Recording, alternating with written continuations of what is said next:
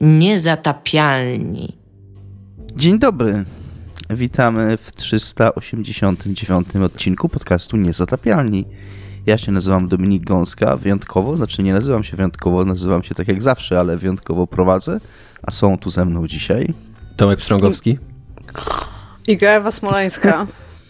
Co to był za dźwięk? No właśnie, Teraz się schrumkałam. Nie, no bo chciałam powiedzieć w tym samym czasie co Tomek i wyszło na to, jaka jestem nieprofesjonalna. A Dominik No, dzisiaj właśnie- ma kontrolę i troszeczkę nie wiem, co mam z tym zrobić, bo będę pewnie tak do ziemi cały czas. Nieprawda. Jaka do ziemi E, będziesz cały czas, nie rozumiem. No, że, bo Dominik zawsze ma za mną takie e, mini kłótnie gnoić, i tak? To konflikty, tak, a i zwykle ty jesteś tą osobą, która jest w stanie powiedzieć, ej Dominik, zostaw Igę, a dzisiaj, dzisiaj nie ma nikogo pomiędzy mną a Dominikiem. co, ale co właśnie- dzisiaj mnie nie ma w odcinku, czy co? Nie, dzisiaj Dominik jest autorytarny.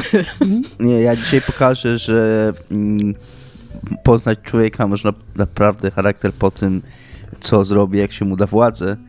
I kiedy mi się da władzę, to będę sprawiedliwy. Czyli na pytanie, cóż może zmienić naturę człowieka, odpowiadamy dzisiaj władza, tak? Myślę, że to jest niezła odpowiedź tak naprawdę. Tak, tak. Może, y, może, na, może nie, nie tylko, albo niekoniecznie zmienić, ale może ujawnić.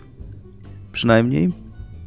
Ale zmienić myślę też. To, Jest taki jest film, to, to jest horror, który się nazywa Hostel, który trochę o tym mówi. Okej. E, W dzisiejszym odcinku będziemy mówić o oryginalności i o tym, czy giereczki są, czy bywają, czy były oryginalne, zaskakujące dla nas, pomysłowe. E, Ale zanim to, to mm, jako prowadzący ten odcinek zapytam sam siebie, co jest grane Dominik. E, Taka będzie jednak moja władza. Żartowałem z tym, z tą wyrozumiałością i serdecznością. Fuck you. Teraz ja prowadzę, odcinek będzie o mnie. E, Nie, Po prostu, Zmiana ci się, tematu odcinka, Pathfinder. po prostu ci się to, co jest grane, należy, Dominik. E, Nie, tak naprawdę to. O Boże, ale by było, jakby zaczął mówić teraz o Pathfinderze. Ale by było. Bo e, nie dajcie się oszukać, nasi drodzy słuchacze, Dominik cały czas gra w Pathfindera. Cały czas gram w Dominik Pathfindera, udaje, tak, że nie gra, prawda. mówi, w co jest grane o innych grach, ale cały czas gra w Pathfindera. Tak. Tak, to jest absolutna prawda. E, A dlatego będzie moje co jest grane pierwsze, bo moje co jest grane jest związane z tematem odcinka i mm, gra, o której będę mówił, zainspirowała mnie w ogóle do tego tematu odcinka. A gra nazywa się Sunday Gold. E, Jest to gra stworzona przez zespół Z Łotwy czy z Litwy, słucham. BKOM Studios, wydana przez Team 17 w każdym razie. Nie wiem skąd jest ten zespół. E, Pewnie grze, z o, Łotwy. grze się dowiedzia... o grze się dowiedziałem od Tomka w ogóle, bo zupełnie było to w K- Kanadzie te, to studio ma swoją siedzibę. I w Kanadzie E. również Dominik dowiedział się ode mnie o tej grze. Jakby. Tak. Nie, nie, nie byłem Mało znany fakt. Byłem, byłem w domu i Tomek mi ją, podrzucił mi trailer, ten trailer wyglądał bardzo intrygująco, więc sobie wrzuciłem tą grę na wishlistę wysoko i dostałem ją na święta od Ani Krapińskiej, którą pozdrawiamy Pozdrawiam Pozdrawiamy. Anię. i dziękuję za ten prezent. W Święta ją na chwilę odpaliłem, ale jakoś tam miałem też inne rzeczy i tak dalej, więc dopiero Pathfindera. parę dni temu... Słucham? Pathfindera. Dopiero parę dni temu w tą grę tak zacząłem na poważnie grać i się mega wkręciłem. E, I to jest taka gra, która trochę brzmi tak na papierze, jakby ktoś chciał pogodzić jedną grą mnie i Tomka. Ponieważ jest to rozgrywana w Czekaj, turach. czekaj, czy to No. jest turowa karcianka z elementami narracyjnymi, które są emergentne i roguelite? Nie, jest to rozgrywana w turach przygodówka narracyjna, e, inspirowana Disco Elysium z walkami w stylu JRPG. Gdzie tam jest karcianka? Nie ma tam karcianki. Nie ma tam w ogóle karcianki. Jakby tam była karcianka, to by nas nie godziło. To by po prostu powiedział nie i tyle. I jakby i odszedłby. Tak. E, E, Gra toczy się w futurystycznym Londynie w 2070 roku. E, Jest bardzo brytyjska. Ma wszystkich aktorów z, Wiel- z Wielkiej Brytanii. Znaczy nie wiem, czy z Wielkiej Brytanii, ale brzmią. Tak mają bardzo... Very British są. Znaczy, mi się wydaje, że ono jest tak brytyjska, jak Hollywood jest amerykański. Jakby to, e, przynajmniej z tego, co tam widziałem na tych materiałach, to jest takie bardzo popkulturowe, intensywne wyobrażenie tak. o brytyjskości, o mocnych akcentach, o takim oj, tak. mówieniu ciągle taki, e, e, tak. tak, takiej oj, ulicznej no, jakby tak. e, kulturze i, i tak dalej, co nie? Tak, to jest teoretycznie cyberpunk, chyba można by to tak nazwać, natomiast jest dosyć ciekawe podejście do kreacji świata, bo świat wygląda dosyć normalnie i tam się skorzysta z normalnych broni, nie ma jakichś tam za bardzo cyberszczepów i tak dalej, natomiast taki pomysł, taki, taka, taki gadżet, akcesorium narracyjne, które ta gra ma, to, że z jakiegoś powodu rozgrywki sportowe, typu tam piłka nożna, jakieś rugby i tak dalej, zostały zastąpione wyścigami psów, które są najbardziej popularnym sportem, natomiast to nie są wyścigi żywych psów, tylko to są takie wyścigi reanimowanych psów cyborgów które były martwymi psami i, i później są nafaszerowane jakim, jakimś technologią i, i, i i tak dalej i się ścigają, walczą ze sobą i ludzie to oglądają i się tym pasjonują. I ten tytułowy Sunday Gold to jest y, nazwa, imię psa, który jest, którego właścicielem jest y, Hogan, Kenny Hogan, taki jakiś magnat, y, bogacz, właściciel firmy, która produkuje alkohol między innymi i inne rzeczy. E, no ja mam bohaterowie... tylko tutaj chciałam zauważyć, że jako, że to jest Londyn 2070, to dlatego to jeszcze nie jest cyberpunk, bo dopiero za 7 lat jest cyberpunk. Dominik. tak, tak. E, I... Cyberpunk został przełożony o 57 lat. E, I bohaterowie, no, powiedzmy, są takim trochę prowadzą walkę z, tą, z tym korpo tego Kenny'ego Hogana, e, zbierają się w pubie, mają swoją mm, taką kryjówkę w piwnicy tego pubu, więc tam totalnie inspiracje Bardzo Final RPG. Fantasy VII. Totalnie inspiracje Final Fantasy VII latają nisko. E, natomiast no tam już ta fabułka jest dosyć taka. To, jak ważne są te wyścigi psów, cyborgów, martwych e, w niej, jak są centralnym punktem tak naprawdę narracji, E, już jest dosyć zadziwiające. E, natomiast to, co Trochę w tej taki jest... Green Fandango vibe, co? Tak swoją drogą. Trochę tak. Znaczy w tym, no... Ten drugi rok, to jest, Green Fandango. To jest trochę dalekie skojarzenie, ale coś w tym jest. I... Ale to, co jest naj, najbardziej oryginalne i zaskakujące w tej grze, to właśnie ten pomysł na mechanikę, bo jak ja pierwszy raz Tomek mi y, o niej napisał, i właśnie tam było, że turowa przygodówka, no to ja się spodziewałem, że to będzie normalna przygodówka z walkami turowymi. Takimi normalnie ludzikami się będzie sterować, jak w X-komach czy innych tych RPGach. Natomiast to nie jest tak. To jest faktycznie re, jakby realnie rozgrywana w turach przygodówka. To znaczy, masz, il, każda z postaci ma ileś punktów akcji i każde, powiedzmy, każda interakcja z rzeczą na ekranie, poza takimi prostymi interakcjami jak egzamin, to ci tam po prostu, to jest proste, tam poruszanie się, natomiast e, wszelka, wszelka manipulacja obiektami na lokacji i też przemieszczanie się pomiędzy lokacjami nie wymaga e, punktów akcji? No, nie wymaga punktów akcji, natomiast każda interakcja z czymś wymaga. E, I jak ci się, powiedzmy, masz te trzy postacie, każdy z nich posiada punkt akcji, powiedzmy, jedna chce przesunąć jakiś obiekt, druga chce tam wyjąć kawałek rury, które, które jest urwana. Takie, wiesz, normalne przygodówkowe interakcje i te punkty akcji się zużywają. E, I jak jedna, jak jednej postaci się skończy, to tam inną postacią zaczynasz manipulować.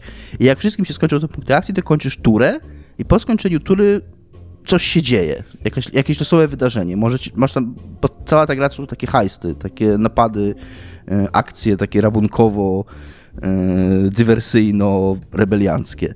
E, I, i w, w, każdej takiej turze, po każdej takiej turze może na przykład wzrosnąć ci mm, poziom alarmu, co powoduje, że nie, mogą strażnicy na ciebie wyskoczyć, albo, albo może spaść ten poziom alarmu. Mm, więc jak, i jednocześnie masz coś takiego jak composure, każda z swoich postaci ma, czyli taki, nie wiem, jak to powiedzieć po polsku, yy, swoje, to jak dobrze się trzyma psychicznie, powiedzmy.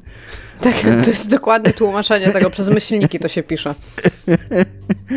tak, i to composure, y, ona ma, jak spada tam powiedzmy do 80%, 60%, 40%, to te postacie... Google Translate tłumaczy composure jako opanowanie.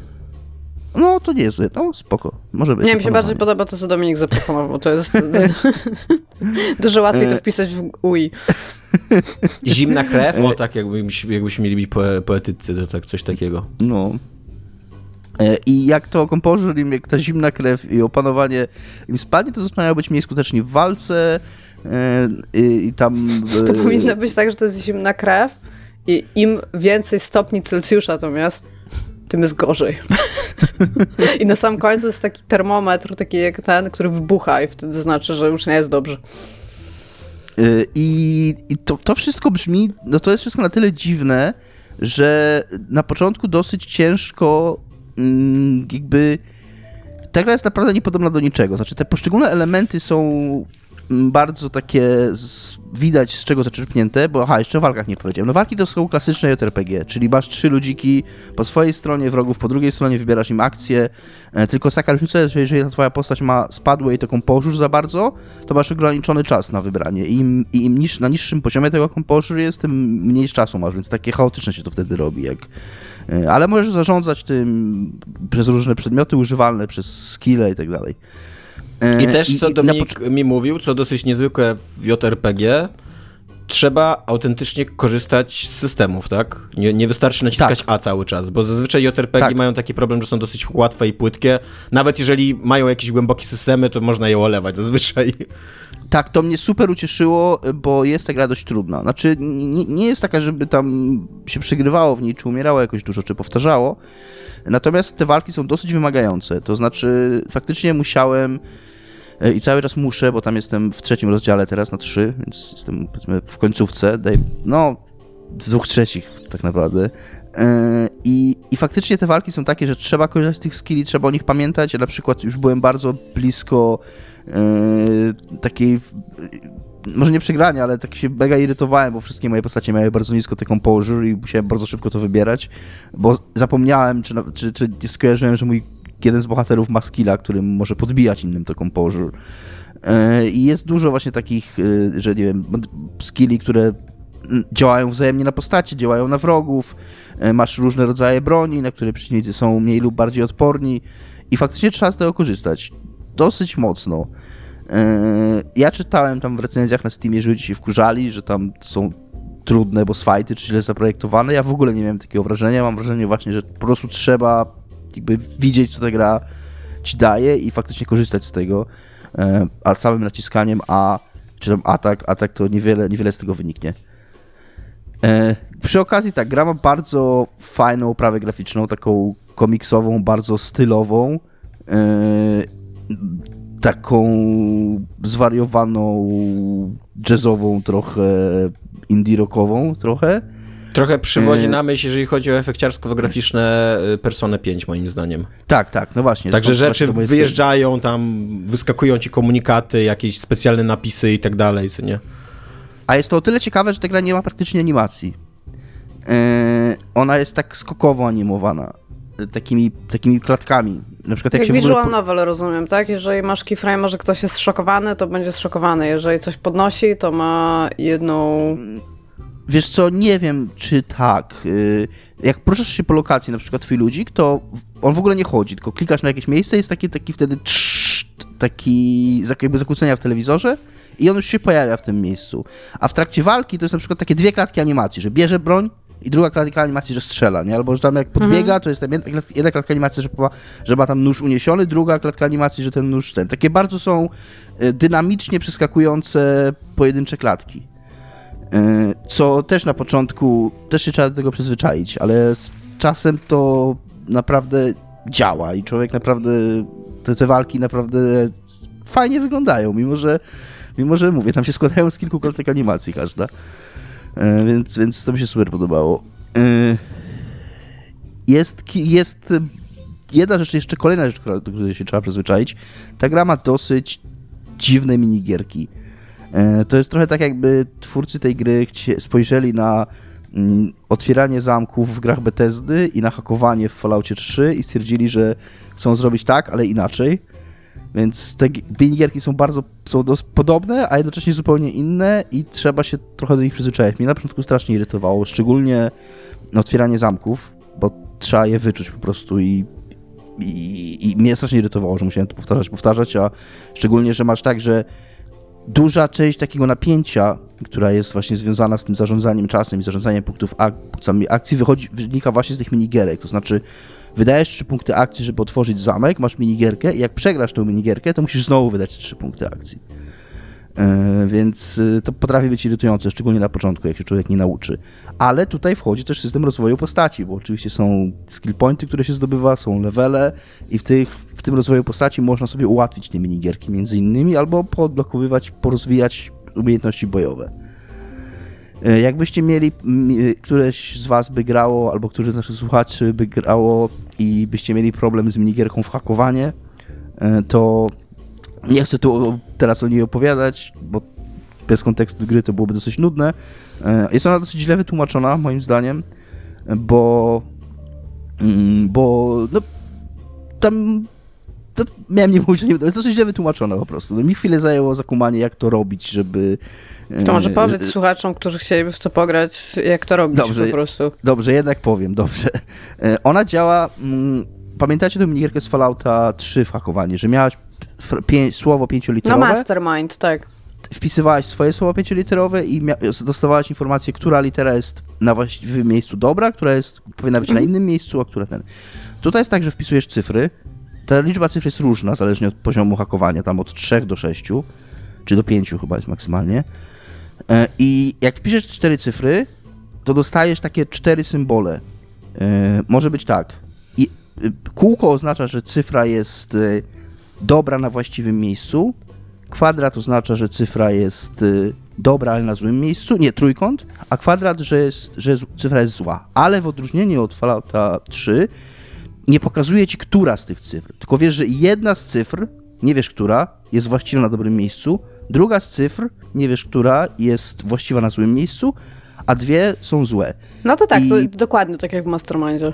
I okej, okay, ja nie, nie, wiem, jak się gra w Masterminda, więc... No do, e... dokładnie tak jak powiedziałeś, masz kolory no to, to... i dajesz hmm. znać, który z tych kolorów, znaczy dajesz znać, że jeden z tych kolorów jest na właściwym miejscu, a na przykład jeden jest y, też w kodzie, ale na złym miejscu, albo dwa, albo trzy. Y, to, co mnie najbardziej kołowało w tym, to jeżeli na przykład wpiszesz trzy, kod, załóżmy przykładowo, kod 3111, nie? Mhm. To możesz dodać informację y, kółko, że jedna jest dobrze, trójkąt, że jedna jest dobrze, ale na złym miejscu i dwa kwadraty, że dwie są źle. I te dwa kwadraty mogą dotyczyć dwóch jedynek. Chociaż, mhm. jest jedynka w ty, chociaż jest jedynka w tym kodzie, to jeżeli, masz, to jeżeli jedną wpisałeś, to jedną ci zaznaczy, a dwie kolejne już ci powie, że ich nie ma w tym kodzie. Mimo, że jest jedynka, ale jest jedna. Mhm. Yy, więc je, to, to, mnie, to było naj, takie najbardziej dla mnie niezrozumiałe, że jak, teoretycznie jak wpiszę cztery jedynki, i chociaż jedna jedynka jest, to powinien dostać cztery trójkąty, tak? Że, czte, że, czte, że każda z tych jedynek jest w kodzie. A tak naprawdę tylko jedna z nich jest w kodzie, a trzech ich nie ma w kodzie. Jakby to drugie, co dla ciebie było nieintuicyjne, dla mnie jest intuicyjne, a to, co dla ciebie było intuicyjne, dla mnie jest strasznie intuicyjne. Okej, okay, no może, może, może ja mam nasrane w głowie po prostu. Chyba tak, chyba tak, no. co należało udowodnić, mu. Y, jest ta gierka, mówię, dosyć, dla, dla mnie jest dosyć spoko, y, ale na szczęście można później odblokować sobie skilla, który ją omija. Y, że za 8 punktów akcji mm, omijasz tą minigierkę, po prostu więcej punktów akcji, ale ten. I co jeszcze tutaj mam? Zobaczę, zanotowane. Ma takie trochę małe bugi. Głównym, głównie największym bugiem jest to, nie wiem czy to jest u mnie, tylko, ale nie wiem czemu to miało być u mnie. Gra jest niestety na tyle mało popularna, że nie udało mi się znaleźć w Google e, nic na ten temat. E, nie radzi sobie z ustawianiem daty przy save'ach, czyli każdy save jest tam z, o godzinie 001 roku 1900. Przez to save'y są, nie sortują się. I jak klikniecie sobie, wie, wiecie, zapiszecie gry, grę przy wychodzeniu i w menu głównym klikniecie continue, to ci wczyta jakiegoś losowego save'a E, i tak naprawdę trzeba scrollować tą listę save'ów, żeby znaleźć tego swojego prawdziwego save'a. Najlepiej po prostu e, zawsze save'ować na tym górnym i go nadpisywać, wtedy ten górny będzie.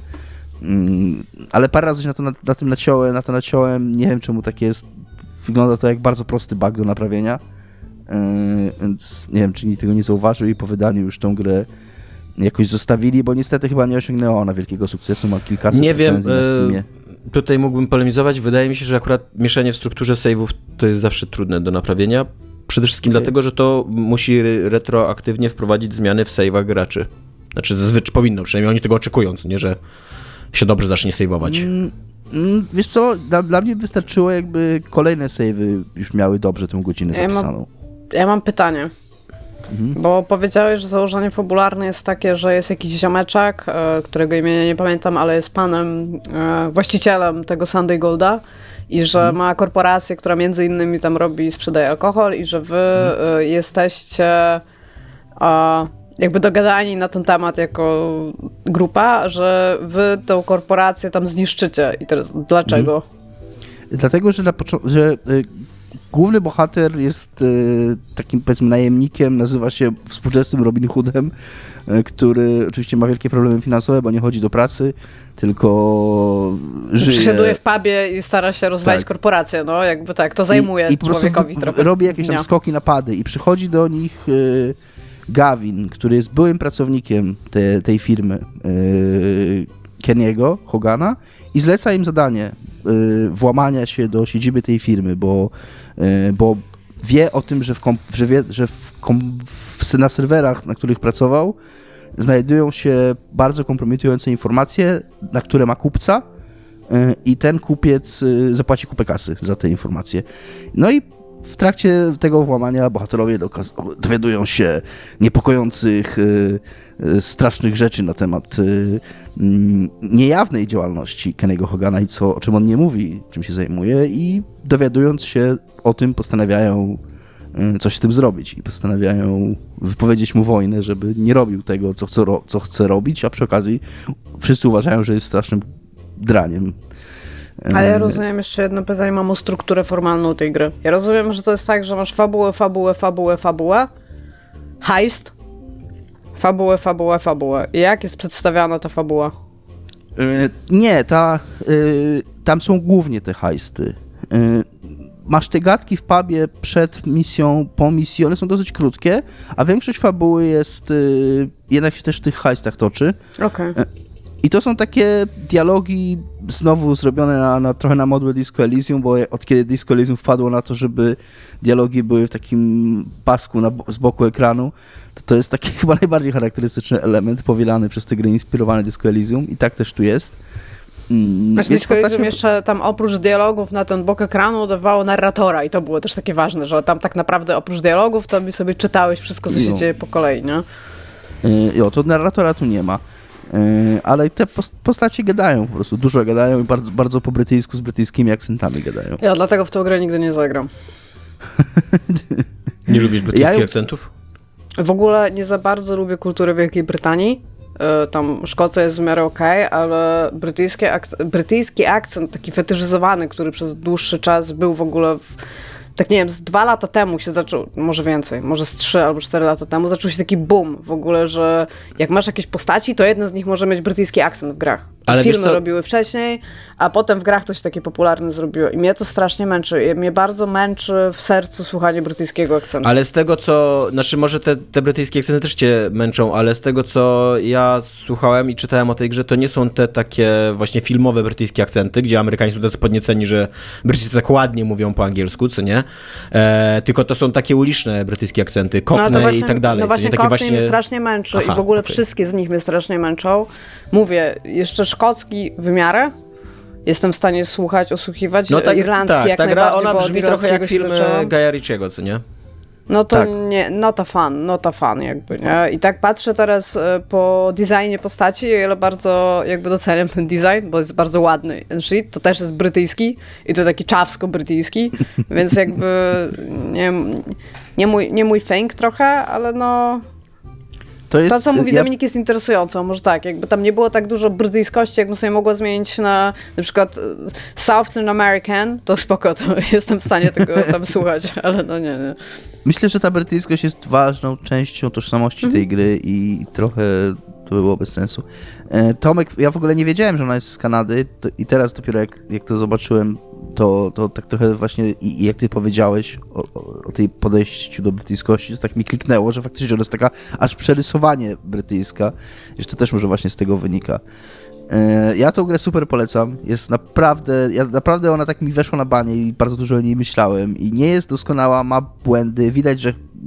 Znaczy, okej, okay, no nie chcę zgadywać, co tam się wydarzyło, e, ale. Nie, ale... ale jest naprawdę, kurde, rzadko mi się e, obecnie już zdarza, żebym w coś grał i miał takie, że, na, że, że odkrywam coś naprawdę nowego. No, pomysł na to, żeby rozgrywać przygodówkę point and click w turach wydaje się dość karkołomny, ale tam to działa i oni robią fajne rzeczy z tym.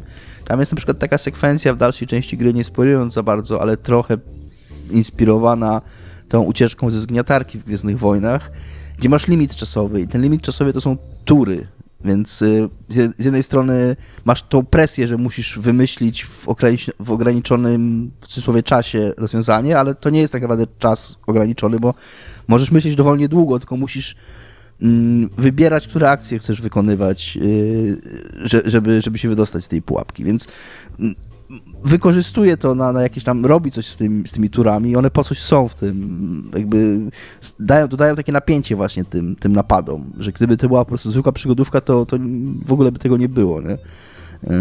Nawet gdyby to była zwykła przygodówka, w której co jakiś czas byłaby walka. A to masz ciągle to takie, takie napięcie, takie ciągłe zarządzanie tymi zasobami, zarządzanie tym opanowaniem e, i, i to się naprawdę fajnie sprawdza.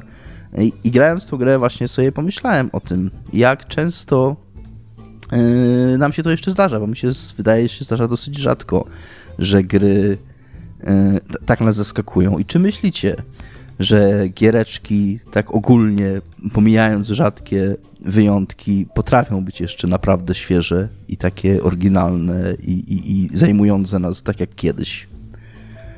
Yy, Tomek? E, tak, tak myślę, tak mi się wydaje i tak na mnie działają. Ja akurat w ostatnich tygodniach, może dwóch miesiącach mam tak, że odkrywam w sobie pasję do horrorów yy, i, gram trochę w horrory i, i Iga mi poleca, a teraz stwierdziła, że mi nie będzie polecać, że muszę odpocząć od horrorów w celach zdrowotnych. E, Iga... Nie no, bo żaden ci się na razie nie będzie tak bardzo podobał, więc żebyś dał sobie prze, przeczyścił paletę możemy dalej polecać, ale tak, potrzebujesz. E, więc grałem ostatnio i w Devotion i grałem w Layers of Fear i grałem w E, The Convenience Store i no i dla mnie one były bardzo oryginalne, zaskakujące, zwłaszcza Layers of Fear ma mnóstwo takich rzeczy, które robi z perspektywą, z level designem, takich których się po prostu nie spodziewasz. To są, to są rzeczy, które widujesz w horrorach e, filmowych, ale wydawałoby się, że są ciężko przetłumaczalne na medium growe, ale... Jest mi bardzo przykro, że akurat y, coś, co zrobiło Layers of Fear, czyli stworzyło własną bibliotekę y, takich y, formalnych elementów jakby do growych horrorów skojarzyłeś z filmem, bo one są strasznie oryginalne i bardzo niefilmowe. tak, rzeczy, nie wiem. No właśnie ja mam wrażenie, że to takie odwracanie się i odkrywanie, że ta droga, którą przyszedłeś jest, wiesz teraz inna, że takie właśnie granie kamerą, tak że nagle... Tak, ale to jest tak bardzo, właśnie to nie jest granie kamerą, bo ty jesteś kamerą, no tak, a w tak. filmach, jakby w filmach masz e, nad kadrem władzę, tak? Nie masz no, stuprocentowej władzy nad kadrem w FPP, bo to gracz ma nad nią władzę. Pod tym względem, pod tym względem się zgadzam, jednakowoż wydaje mi się, że jakby formalne podwaliny pod większość z tego, przynajmniej co, co, ja, co, ja, co mnie tak zachwyca w Layers of Fear, to jak gdzieś kojarzę z filmów, że już tak robili. Może masz rację, że na przykład, że, e, że to jest różnica jakaś taka ontologiczna, że to ty jesteś kamerą w, w, w, grze, a, a, nie, a nie twórca jest kamerą, co nie? I że jak nagle tracisz władzę nad tą kamerą i ona się zaczyna kręcić dookoła i to, to jest inne odczucie jakieś inne, gdzieś tam na innych emocjach ci działa, e, ale no jakby ja miałem coś takiego, że aha, okej, okay, teraz to robimy, co nie? To nie, nie byłem jakiś taki zszokowany, co nie? tylko e, no widziałem to już wcześniej, tylko nie, no ale też nie chcę powiedzieć, bo jakby mówię, zachwyciła mnie i, i jakby jest to dla mnie super oryginalne i mówię, jest to dla mnie też nowe, co trochę też wynika z tego, że ja po prostu wcześniej w takiej gry nie grałem, e, ale tak poza tym to też uważam, że w ogóle gry wideo mają jeszcze dużo rzeczy do odkrycia i do, do pokazania. To wynika mocno z tego, że jest bardzo duży nacisk na nowatorskość w grach wideo. E, zwłaszcza w segmencie indie gier wideo, że każda gra indie powinna być z założenia unique selling point powinna mieć jakiś, co nie? Czyli jakiś pomysł na siebie, który jest nowy. Nie wiem, czy mi się to podoba, jakby, czy, czy jestem fanem wielkim takiego tego nacisku, ale jest jakieś takie poczucie, że gry wideo, przez to, że są jakąś taką elektroniczną rozrywką, y, muszą cały czas przesuwać swoją granicę, co nie? Jakby jak idziesz do kina i oglądasz film, to nie spodziewasz się, że ten film zamieci cię pod dywan, co nie? Że, że to będzie w ogóle inaczej nakręcony film, niż do tej pory kręcili filmy. Jak otwierasz książkę i zaczynasz ją czytać, albo komiks, to też, no, w komiksach to się też jeszcze czasem dzieje, bo jeszcze jest trochę takich narracyjnych sztuczek do odkrycia w komiksach, ale też raczej się tego nie spodziewasz, a jak odpalasz grę indie, to trochę się tego spodziewasz, co nie? Trochę jest duży nacisk właśnie na jakieś nowatorstwo, na eksperymentowanie, zwłaszcza mówię w grach indie i przede wszystkim na wykorzystywanie formuły gier wideo w celu, w celach jakichś narracyjnych, podbicia jakichś efektów i tak dalej, co nie? E, więc jest to trochę, e, tutaj cytując klasyka, immanentna cecha gier wideo, um, taka, takie dążenie do oryginalności, jakiejś, jakiejś nowatorskości. Mówię, nie wiem, czy to jest zawsze dobre, i na pewno w grach AA ta tendencja albo nie żyje zupełnie, albo umiera. No, nie wiem, może tam Elder Ring, jeżeli chodzi o ten world building, to miał, miał też był nowatorski, ale, ale w przeciętnie, w przeciętnych grach AA nie ma czegoś takiego, raczej jest bezpieczne granie, ale w grach indie tak jest, bo, bo jest tych gier indie 58 miliardów, wychodzi co roku na Steamie, to jest dokładna liczba jakby tak, gier, które tak. wychodzą na Steamie. Nawet, nawet dokładnie, po prostu co do jednego. Tak, I, i, i musisz się czymś, jakby wydawcy, nacisk wydawcy jest na to, że czym twoja gra się będzie różniła od innych gier, nie? A przy okazji też jest i jak ją sprzedamy, więc do jakiej gry będzie podobna, więc to jest trochę taki konflikt wewnętrzny, ale już o tym już gadaliśmy, nie będę tutaj teraz... Tak, swoją drogą, swoją drogą Sunday Gold jest świetnym przykładem na to, bo to jest jednocześnie gra, która jest inna od wszystkiego, ale właśnie dokładnie można ją sprzedać jakby y, istniejącymi gatunkami, nie? Tak, no właśnie mi się w ogóle wydaje, że Sunday Gold można właśnie bardzo sprzedać jako Guy Ritchie The Movie, co nie? The, the Game, Guy Ritchie The Game, bo wydaje mi się, no że tak, ona jest no. bardzo inspirowana twórczością Guy Ritchiego. To prawda, Iga? A możesz, y, żebym odpowiedziała na dobre pytanie, bo słuchałam Tomka i teraz zapomniałam pytania. Możesz odpowiedzieć na takie pytanie, jakie tylko chcesz. E, e to zależy. a, a Czy giereczki potrafią być jeszcze świeże i oryginalne? To było a pytanie. tak, jak, jak najbardziej. Wydaje mi się, że jeszcze dużo przed nami. A tak naprawdę im więcej e, małych podmiotów tworzących gry będzie wydawało gry właśnie na przykład bez wydawcy, just for fun. Wszystkie Ludum Dare, wszystkie jamy jakby będą e, obfitować w jakieś nowości. To nie są rzeczy, które szybko się spopularyzują albo w ogóle się spopularyzują, ale jest mnóstwo innowacji, które jeszcze możemy wygrzebać jakby z tego medium. Przede wszystkim dlatego, że jest interaktywne. Ludzie lubią klikać, żeby coś się działo na bardzo różnym poziomie, bo to jest, to jest dosłownie to, jakby co lubimy robić. Więc jesteśmy w stanie naprawdę bardzo dużo rzeczy robić, kiedy w coś klikniemy. I dużo rzeczy się może tam, ten ludzik może chodzić różnie, że tak powiem. Więc jakby tak, jeszcze bardzo dużo jesteśmy w stanie z tego wykrzesać. E, problem będzie polegał zawsze tylko i wyłącznie na fakcie, czy, to, na, czy ta innowacyjność będzie znacząca w danym, w danym tytule i jeżeli tak, no to jakby co jesteśmy w stanie z nią zrobić i co pokazać, bo jakby jako, że gry wideo myślą czasownikami, no to tych czasowników mamy praktycznie nieograniczoną liczbę oraz sposób pokazania tych czasowników, więc jakby ja wierzę w fakt, że jeszcze przez bardzo, bardzo długi czas jesteśmy w stanie cokolwiek robić, aczkolwiek, tak jak powiedział Tomek, segment AAA nie za bardzo innowacyjny, nie? A teraz to już w ogóle jakoś jest jakby, co roku jest coraz gorzej, to w zeszłym roku to było tak, jakbyśmy mieli, Dominik lubi takie różne matematyczne, jakby ten graf tak szedł 45 stopni, że cały czas jest gorzej, tak? Dwa razy gorzej. To w wykres, zeszłym roku, wykres przejścia, tak, to e, w zeszłym roku to on tak jeszcze, jeszcze stromiej jakby poszedł w dół po prostu, było tak słabo, nie? E, nie chcę, ja powiedziałem, że poprawiłem Iga nie dlatego, że mm, jestem jej Chciał mnie zgnoić. I chcę ją gnoić, tylko akurat tutaj było, mogłoby to być mylące, ponieważ gra w matematyce po polsku znaczy coś zupełnie innego e, niż, niż wykres. E, ja się oczywiście zgadzam, nie zaskakując nikogo, e, z wami obojgiem.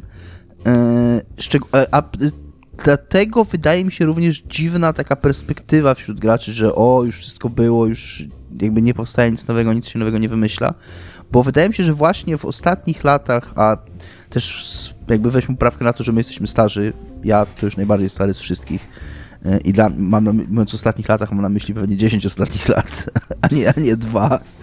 E, ale e, wydaje mi się, że raz z segmentu indie, a dwa z tych wszystkich game jamów strasznie dużo takiej pomysłowości, oryginalności wychodzi i, i takiego szalonego, szalonego fermentu. I, i, I była też taka gra niedawno, Loot River. Ja w nią chwilę próbowałem grać, jakoś nie wciągnąłem się, ale muszę jeszcze spróbować która jest połączeniem roguelike'a, Soulsów i Tetrisa, co się wydaje, co się wydaje niedorzeczne, jak się o tym myśli, ale jakby ktoś to zrobił. Też w nią grałam. Więc... Słucham? Też w nią grałam. I, ale grałaś jakoś dłużej? Bo ja tam minutę. No nie wiem, nie, no godzinę albo coś. Yy, jakby tam jest taki fęk, że chodzi się w takim trochę izometrycznym takim da, jakby, no, da, dalej odsuniętą kamerą 2D po różnych pływających wysepkach i te wysepki należy przesuwać tak jak klocki Tetrisa, by móc przechodzić do innych wysepek. Tak. I jakby okej, okay, to jest fajny gimmick, ale e, nie pamiętam, nie pamiętam czy właśnie y, coś mi, coś mi sprawiło, że nie chciało mi się dalej grać. Tylko nie pamiętam już, kurde, co. Czy tam brak postępu przez dłuższy czas, czy brak odblokowywania jakichś rzeczy. No, coś tam, coś mi, też, od niej tak ten. Jak może minuta, minuta to przesada, nam z 15 minut pograłem w tę grę i też jakoś mnie nie porwała, ale sam koncept jakby czegoś takiego i ona się podobała ludziom, miała dobre recenzje, więc tam jakoś tam trafiła do, do jakiegoś tam grona odbiorców, więc yy, fajnie, że takie rzeczy powstają i takie rzeczy będą powstawać ciągle. Yy, pytanie właśnie, na ile one będą miały przełożenie i na ile mają przełożenie na główny nurt, bo ja się nie do końca z wami zgodzę, że w grach AAA nie ma innowacji, tylko gry AAA to jest taki kurna lodowiec, tak się przemieszczają z tem tempem lodowca. Więc te innowacje z gier indie, one może, wiecie, za jak tam ten osad opadnie, czy coś tam, nie wiem. Nie wiem, z jaką metaforę chciałem zrobić. Ja właśnie bardzo geologiczno-geograficzną, tak. ale coś nie idzie, nie? Mam, coś nie, coś nie zarówno idzie za mało... my, jak i nasi odbiorcy mają pewnie za mało danych a propos tego, za żeby mało wiem tutaj, o tak. geologii, tak. więc wycofam się z tej metafory, y, ale no przypuszczam, że te, te rozwiązania, gimiki z gier indie, one jakoś tam będą przenikać i będą przechodzić do, do głównego nurtu. Takim przykładem takiej gry, która już w takim jest trochę pomostem, teraz może architektoniczna metafora, pomiędzy grami indie a grami AA był Returnal, który wziął te takie indykowe, roguelike'owo, bullet hellowe mm, pomysły na gameplay i pożenił z taką oprawą pieniędzmi. AA. I też, po prostu pożenił je z pieniędzmi. No, i, i, marketingiem AAA. E, więc, e, więc tak to się jakoś tam dzieje pewnie. E, dobrze, drugie pytanie które jest trochę oszustwem, bo ja już na nie odpowiedziałem. Haha. Eee, I brzmi ono, jaka była ostatnia gra, która autentycznie zaskoczyła was jakimś rozwiązaniem bądź pomysłem na siebie? Eee, no i ja o tej grze opowiadałem na samym początku w swoim Co jest grane, jako o grze, która zainspirowała mi tego odcinka. Jeszcze raz przypomnę, Sunday Gold. Eee, a jak to było u was, Iga? Ja y, bardzo długo myślałam, chcę od razu powiedzieć i po pierwsze postanowiłam wypisać sobie wszystkie gry, które mnie zaskoczyły przez ostatni jakiś czas, bo moje pierwsze w ogóle odpowiedział tak, jakbyś, się, jakbyś mnie w środku nocy obudził i byś się mnie o to zapytał, to bym ci powiedziała Return of the Obra Dinn. Po czym sobie przypomniałam, że to było 5 lat temu i mi się zrobiło trochę przykro. Jakby musiałam zacząć myśleć o tym, co było później. A powiedziałabym Case of the Golden Idol, który jest mocno inspirowany Return of the Obra Dinn, ale jednak robi troszeczkę inne rzeczy. A to są rzeczy, które mogły się mniej lub bardziej podobać, jeżeli porównujemy oba te tytuły, bo są po prostu inne, ale jakby było to na tyle świeże, że chciało mi się nad tym siedzieć, a ta ostatnia zagadka to Jesus Christ, ile tam trzeba. Bardzo mocno musiałam tam myśleć, ale jak mi się już udało, to sobie przybijałam piątki. Vampire Survivors sobie wypisałam jako. Vampire Survivors jest dobrym przykładem. Yy, tego, co mówiłam wcześniej, że ludzie chcą klikać i żeby coś się działo. Niekoniecznie wszystkie z rzeczy, które dzieją się na ekranie, muszą być wyklikiwalne, co jakby spopularyzowało bo to nie jest tak, że to jest pierwsza tego typu gra, ale jakby spopularyzowała w ogóle taki aspekt tego, że można skupić się tylko na jednej czy tam dwóch częściach gameplayu, czyli rozwoju postaci i poruszaniu się, a jakby cała reszta będzie się działa automatycznie i jakby naszym zadaniem jest ogarnąć system w taki sposób, żeby to działo się jak najlepiej. E, wypisałam sobie też Inscription. Nie wiem, czy pamiętacie Inscription? Nie wiem, to czy gra, grałeś. Nie, nie grałem tak? w końcu. Nie, a powinieneś pograć, wydaje mi Wiem, że to jest karcianka, ale to jest oszukana karcianka. Miałem, to, miałem tą dyskusję w piątek z Dominikiem. Dokładnie w piątek o tym rozmawialiśmy. Tak. tak e, Możliwe, że już w sobotę, bo siedzieliśmy do trzeciej. Tacy jesteśmy młodzi i zbuntowani. Tak. Chłopaki mają nightlife w odróżnieniu ode mnie. Tak. E, Outer Wilds sobie wypisałam jako, że było to... Było to jakby samo sterowanie i wszystko, co się tam dzieje, to to jest po prostu przygodówka FPP, ale przez to, że to jest ten time loop i musisz wiedzieć, co się dzieje w danym momencie, to to był, to był fajny gimmick, który jakby coś takiego otworzył.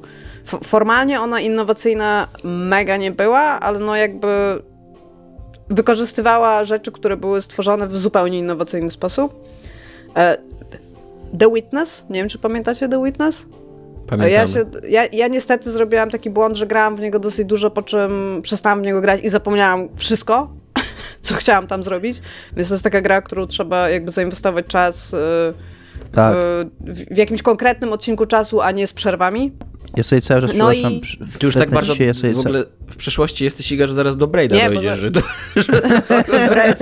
A Doom 2, słyszeliście guys? Widzicie jakie ma odświeżanie po prostu ekranu? To? Ja nie, cały czas sobie obiecuję, że wrócę do The Witness. Kurde. W którą nie grałam, czyli e, Neon White które bardzo chcę ograć w tym roku, ale cały czas e, sobie odkładam, że tam jeszcze tą grę przejdę i wtedy pogram w Neon White, bo to, to się wydaje gra? mega fan dla mnie. Bo ja bym chciał tylko złośliwie powiedzieć, że Iga na pytanie e, Jaka była ostatnia gra, która ci zaskoczyła? Podaje The Witness, który ma 7 lat. No podałam też Return of the Obra Dinn, który ma 5, tak. a w mojej głowie Return of the Obra Dinn jest znacznie nowszą grą Dobrze. niż The Witness. Nie? Iga, jaka jest ostatnia gra, jaka cię zaskoczyła, a jaka jest najmłodsza z tych? Ja bym powiedziała, no, że... Neon White. A. Tak, Neon White i nie. Vampire Survivors chyba są najnowsze, nie? Tak. I Case of the, I Case of the Golden Idol. No. Okej. Okay. A co to jest ten Neon White? To jest gra ziomeczka chyba o Description Pony Island, tak? To jest on? Już zaraz sprawdzam. E, takie, że biegasz tak parkurowo i to jest karcianko, A. shooter. Już kojarzę. Parkour, już kojarzę okay. To nie jest karcianka, to, to, tam nie, nie budujesz talii tak, znaczy, takiego, tak, tylko... to nie jest deck builder, ale masz karty, które są... Symbolizują jakieś twoje umiejętności. Ruchy takie jednorazowe, które wykorzystujesz, że możesz rzucić kartę jakby i dzięki temu się tam gdzieś przenosisz, albo szybciej biegniesz, albo coś. I to jest taka gra symulująca speedrunning trochę, co nie? Że masz level, który pokonujesz w 45 sekund, a można go pokonać w 20 sekund. I pierwsze przejście podobno zawsze jest takie bardzo konserwatywne, bezpieczne, ale gra cię zachęca do tego, żebyś ten, ten level przechodził tak długo, aż dostaniesz ten, te bonusy za te 20 sekund, odkrywał shortcuty, właśnie korzystał z umiejętności i tak dalej, i tak dalej, co nie? Więc tak jakby streszcza, minimalizuje doświadczenie speedrunningu, co nie? Gdzie jakby zazwyczaj doświadczenie speedrunningu wiąże się z dziesięcioma latami, kurde, ogrywania gry i odkrywania tych shortcutów, tak tutaj masz mm. jeden level, gdzie pół godziny na nim spędzasz, a później czujesz, że masz totalnie go opanowanego, jakby, wiesz, rozgryzionego i tak dalej, co nie? Okej, okay, okej. Okay. Tomek? Eee, ja mam jedną grę, bo zapytałeś o jedną i zapytałeś ostatnio, która gra autentycznie mnie zaskoczyła. Eee, I poza tym, że to jest Layers of Fear, ale o Layers of Fear już nie będę mówił, bo już nie, mówiłem. Nie, przepraszam, to jest typ od Downut County. Popieprzyło mi się. Eee, to mnie ostatnio bardzo mocno zaskoczyło Unpacking, gra sprzed dwóch lat. Bo tutaj zaskoczyła mnie totalnie prostota i elegancja tego gameplayu, tego pomysłu na, na tą grę, że chyba wszyscy uwielbiają takie momenty, kiedy patrzą na coś i myślą sobie, kurde, to jest oczywiste, dlaczego wcześniej tego nie było, nie? I, I Unpacking to jest właśnie totalnie taki oczywisty pomysł na grę I nie wiem, dlaczego przez 40 lat historii tego gatunku nikt wcześniej nie robił takich gier jak Unpacking, co nie? E, I, a właśnie całe takie... I opowiadanie historii tak czysto poprzez e, Enviro i, e, i jakby takie dżerowanie na takich doświadczeniach, które tak naprawdę wszyscy mamy z jakichś przeprowadzek, zmian miejsc i e, zmian życiowych, które się wydarzają w nas. I, I ten taki zen gameplay w stylu porządkowania swojej przestrzeni i szukania jakiejś, jakiejś takiego, nie wiem, miejsca na rzeczy, oceniania, jak wartościowe są dla ciebie jakieś e, przedmioty, a jak niewartościowe. To, no to jest, to jest super, to jest bardzo innowacyjne moim zdaniem, przynajmniej mówię, ja wcześniej nie grałem w takie gry i nie, nie, nie, nie wydaje mi się, żeby była taka gra. Ona odniosła gigantyczny sukces i to mnie bardzo cieszy. I, i tak, i Unpacking to jest y, coś takiego, co mnie zamiotło pod dywan. Tak, ona odniosła w ogóle na tyle duży sukces, że jako taka, wydawałoby się, ambitna indigierka o depresji, znaczy nie wiem, czy ona była o depresji. Nie, ona nie była o depresji. Nie. nie. są trzy rodzaje indygier.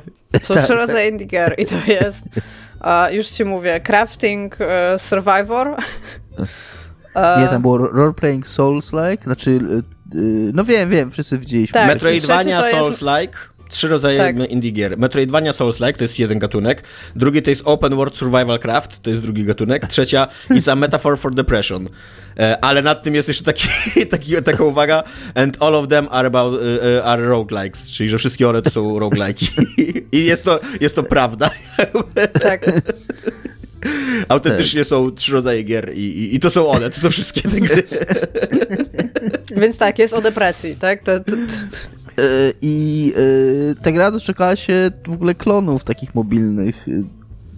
I, i był, był taki moment w czasie, że ludzie chcieli jakby... Był taki moment ten packing. No. Rozpakowywać no. się, tak? Ludzie tak, chcieli tak. bardzo. Więc, więc to było... Moment ten to packing, było jakoś tak. tam... Moment ten packing, tak. Eee, Tomek, co jest grane u ciebie? E, u mnie jest czytana książka. E, trochę mnie zaskoczyłeś, byłem święcie przekonany, że teraz Igę poprosisz, ale widzę, że tutaj chaos wprowadzasz. Chaos. E, książka Michaela Szabona e, pod tytułem Związek e, Żydowskich Policjantów. Nie jest to nowa książka. Ma... Czy to jest dating sim? Nie. Nie jest to dating sim, to jest, fakt, to jest książka przede wszystkim.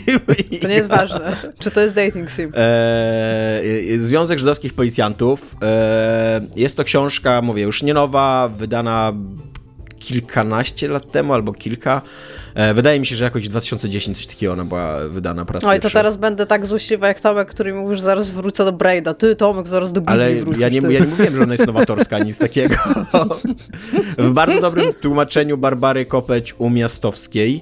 E, jest to e, książka, która jest jednocześnie bardzo klasycznym kryminałem noir i taką dosyć ciekawą historią science fiction alternatywną świata, ponieważ jest to książka o tym, że w obliczu tego, co się dzieje w Europie w latach 30., Stany Zjednoczone otwierają się na imigrację żydowską, e, a do to, do, dokładnie taki, takie, takie miasteczko na Alasce, które jest położone na szeregu wysp, Sitka, e, ono jakby zostaje wyznaczone takim terytorium ku imigracji, które jest otwarte na imigrację żydowską i Żydzi uciekający z Europy przed Holokaustem, przed II wojną światową właśnie budują takie miasto, takie 3-milionowe miasto, metropolię, bo to książka się już dzieje w 2008 roku. E, Sitka, które jest taką właśnie żydowską, żydowską metropolią pełną najróżniejszych odmian judaizmu, i, i ale też e, jakiejś takiej imigracji z e, Oceanii i z Azji, no bo to jest, to, to jest Alaska. E, ta społeczność tego, tego, tego sitka rywalizuje trochę z rdzennymi Amerykanami z Alaski. E, jest tam jakaś taka historia też sporów z Rosjanami, bo Alaska kiedyś była rosyjska, co nie? E, I, e, I ta historia alternatywna, jeszcze drugi taki bardzo ważny punkt, jest taki, że w roku 40 48, w roku 48, czyli że w roku e, izraelskiej wojny o niepodległość i powstania państwa Izrael, e, Żydzi przegrywają tą wojnę z Arabami, a nie wygrywają i państwo Izrael nie powstaje. E, Palestyna jest dzisiaj takim terenem podzielonym pomiędzy różne grupy e, Arabów i jakby też jakby nie, nie za dobrze jest dzisiaj w tej Palestynie alternatywnej, ale jest ona arabska, a właśnie a ten taki Izrael i ci mm, weterani wojny o Izrael, oni wszyscy właśnie trafiają do Sitka y, i to jest jakby taki Izrael y, tego świata, co nie? Jest tam również dużo innych takich drobnych e, zmian historycznych, w ogóle tak podawanych w takim, ja bardzo lubię taki sposób, taki subtelny sposób budowania worldbuildingu w stylu Williama Gibsona, że to są takie rzucane często e, uwagi w dialogach i tak dalej, gdzie się dowiaduje, że tak naprawdę druga wojna światowa skończyła się w 1946 roku, że spadła bomba atomowa na Berlin, e, że Polska miała jakieś e, w latach 60. jakieś problemy, że Rosja, która przegrała z Niemcami właśnie tam w 1941 roku, zmieniła się w jakąś republikę i teraz jest trzecia republika rosyjska, która jest w chaosie jakimś i tak dalej, więc to są tylko takie uwagi, które nie do końca jakby wiesz, co z tego wynika, ale mówię, ja lubię takie, takie dyskretne budowanie świata i bardzo mnie tutaj to pociąga, jakby właśnie takie myślenie, jak to wygląda teraz, takie, takie domyślanie się bardziej niż, niż, niż dostawanie takiego lordampu prosto w twarz, że ten świat wygląda tak, tak i tak. E, I fabuła rozgrywa się w 2008 roku. E, głównym jej bohaterem jest e, żydowski policjant, jak może wynikać z tytułu, Meyer Landsman, który jest takim totalnie, to jest taki totalnie w ogóle gatunkowy kryminał noir, ten, ten, ta, ta książka. I on jest takim upadłym alkoholikiem z, po rozwodzie, przeżywającym traumę po śmierci z siostry, który jest oczywiście genialnym policjantem, ale tam ledwo funkcjonuje na co dzień, bo takim jest upadłym Harry alkoholikiem. de Tak, tak, dokładnie. e, dokładnie. I on... Czy, e, czy, ten drugi typ to jest po prostu Kim? E, tak, ta, tak je, jest Kimem, bo, bo je, jakby jego partnerem, jego partnerem jest taki e, Indianin, nasz rdzenny no Amerykanin. Tak, no się zgadza. No. Rdzenny Amerykanin, e, ale wychowany właśnie w Sitka, uważający się za Żyda, jakby identyfikujący się jako Żyd, ale właśnie jest takim wcieleniem wobec tego Mejera takiej dobroci i e, cierpliwości i taką, wiesz, taką podporą jego życia i, i moralności i, i tak dalej. Jest jego przybranym bratem e, i... E, i w, w, hotelu, w którym żyje ten Meyer, dochodzi do morderstwa. E, zostaje zamordowany mm, heroinista, który jednakowoż ma jakieś powiązania z ortodoksami religijnymi, czyli takimi e, ortodoksami, że jest cała taka dzielnica właśnie w tym Sitka, e, który, w którym de facto, no tak jak dzisiaj ci ortodoksi izraelscy, oni trochę żyją, kurwa, w XVII, przepraszam za przekleństwo, trochę żyją w XVII wieku, tak i mentalnie, ale też, ale też tak na co dzień, jakby tak, że bardzo wiele zwyczajów współczesności odrzucają, że rola kobiet jest bardzo ograniczona, że bardzo wprost interpretowanie tory, e, takiej, jeżeli chodzi o jakieś zachowania i, i reakcje na współczesność, na technologię i tak dalej, co nie. E, I przez, znaczy w, tej, w tym sitka ci ortodoksyjni Żydzi e, są też jakby najsilniejszą mafią. Oni skonstruowali taką najsilniejszą, najpotężniejszą mafię w, w mieście, więc fakt, że ten człowiek najprawdopodobniej był jakimś tam członkiem tej mafii no, jest istotny i, i ten Meyer wbrew całemu miastu, bo wszyscy mu mówią, żeby nie prowadził tego śledztwa, ale jak w kryminalach Dua on prowadzi to śledztwo, co nie? Wbrew całemu miastu, odkrywa, że tam dochodzi, jest jakiś gigantyczny spisek, który zawiązany, związane są e, władze i Stanów Zjednoczonych, i miasta, i właśnie tych ortodoksów, i policji i tak dalej, bo jeszcze jedna ważna sprawa, jeżeli chodzi o world building, e, to te sitka zostało wydzierżawione Żydom na 70 czy 60 lat. 60, o tak? I za kilka miesięcy kończy się ten, kończy się ten, ten okres i miasto zostanie wchłonięte przez Stany Zrzeszone, e, a że ci mieszkańcy Sitka nie mają obywatelstwa, tylko są na jakichś takich specjalnych zasadach, to nikt nie wie, co się z nimi stanie. Co nie, czy oni zostaną deportowani, czy zostaną naturalizowani. Wielu z nich tam próbuje już teraz ucieczki, więc cała ta książka jest w, takim, e, w takiej atmosferze takiego upadku i takiego końca pewnej epoki opowiadania co nie? E, właśnie, że, że, że idzie jakieś wielkie nieszczęście znowu na naród żydowski, znowu trzeba się będzie rozpierzchnąć po świecie albo coś takiego e, i... i nie wiadomo, co to się wydarzy, co nie? A tutaj ostatni Meyer, ostatni taki, wiesz, błędny rycerz biega po mieście i próbuje rozwiązać zagadkę śmierci kolesia, której nikt inny jakby nie chce rozwiązać, a niektórzy wręcz wprost mówią mu, że on też nie powinien jej rozwiązać, bo to się wiąże dla niego z niebezpieczeństwem dużym życiowym i tak dalej, co nie? Eee, jest to książka, którą mi się bardzo dobrze czyta, ona jest rewelacyjnie napisana. Michael Chabon to jest w ogóle super pisarz, jeżeli chodzi o takie umiejętności budowania narracji, postaci i tak dalej. Jakiś polecałem jego książkę Niesamowite przygody Kewaliera i Kleja o, z kolei o żydowskich twórcach komiksowych w latach 30 40 Też bardzo dobra książka i, i, i mówię, też, też wtedy polecałem. Ona mi się wydawała trochę lepsza, bo mam taki problem z tym, e, z tym Związkiem Żydowskich Policjantów, że na początku się bardzo nią zachwyciłem, bo miałem wrażenie, że to jest właśnie taki kryminal noir, taka, taka powieść gatunkowa, która wykracza poza kolejny tego gatunku, poza jego granice, co nie? Jakby właśnie dzięki temu, że to jest alternatywna rzeczywistość, dzięki temu, że ona jest tak bardzo mocno żydowska i, i tak, wiesz, tak zanurzona w jakimś takim, takiej kulturze i świecie, który ja odkrywam e, i, i właśnie myślałem, że to jest takie wyjście poza konwencję i, i, i coś takiego wow, coś takiego super, co nie?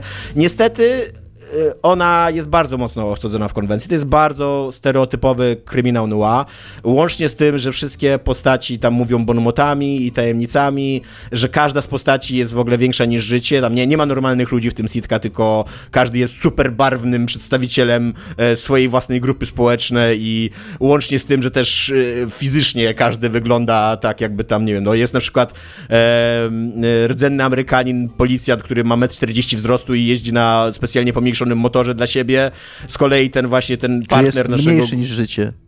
Tak, jest mniejszy niż życie, ale jednocześnie jest większy niż życie, bo ma, bo ma super charyzmę i super jest tak, przebojowy, tak, tak. wszyscy się go boją i tak dalej, co nie, jakby nadrabia, co tak, nie? Tak. Jest Rozum... właśnie szef mafii, który tam wręcz piszą, że wygląda jak w ogóle jakiś taki wielki blob ludzki, bo ma jakąś taką chorobę, e, gigantowatość taką, że, że jest super, super otyły i, i gubi się jakby w sam w swoich zwałach tłuszczu, co nie? Ale też jednocześnie jest super charyzmatyczny i ma spojrzenie takie, że nikt się nie dziwi, że cały naród tych ortodoksów za nim kroczy, co nie?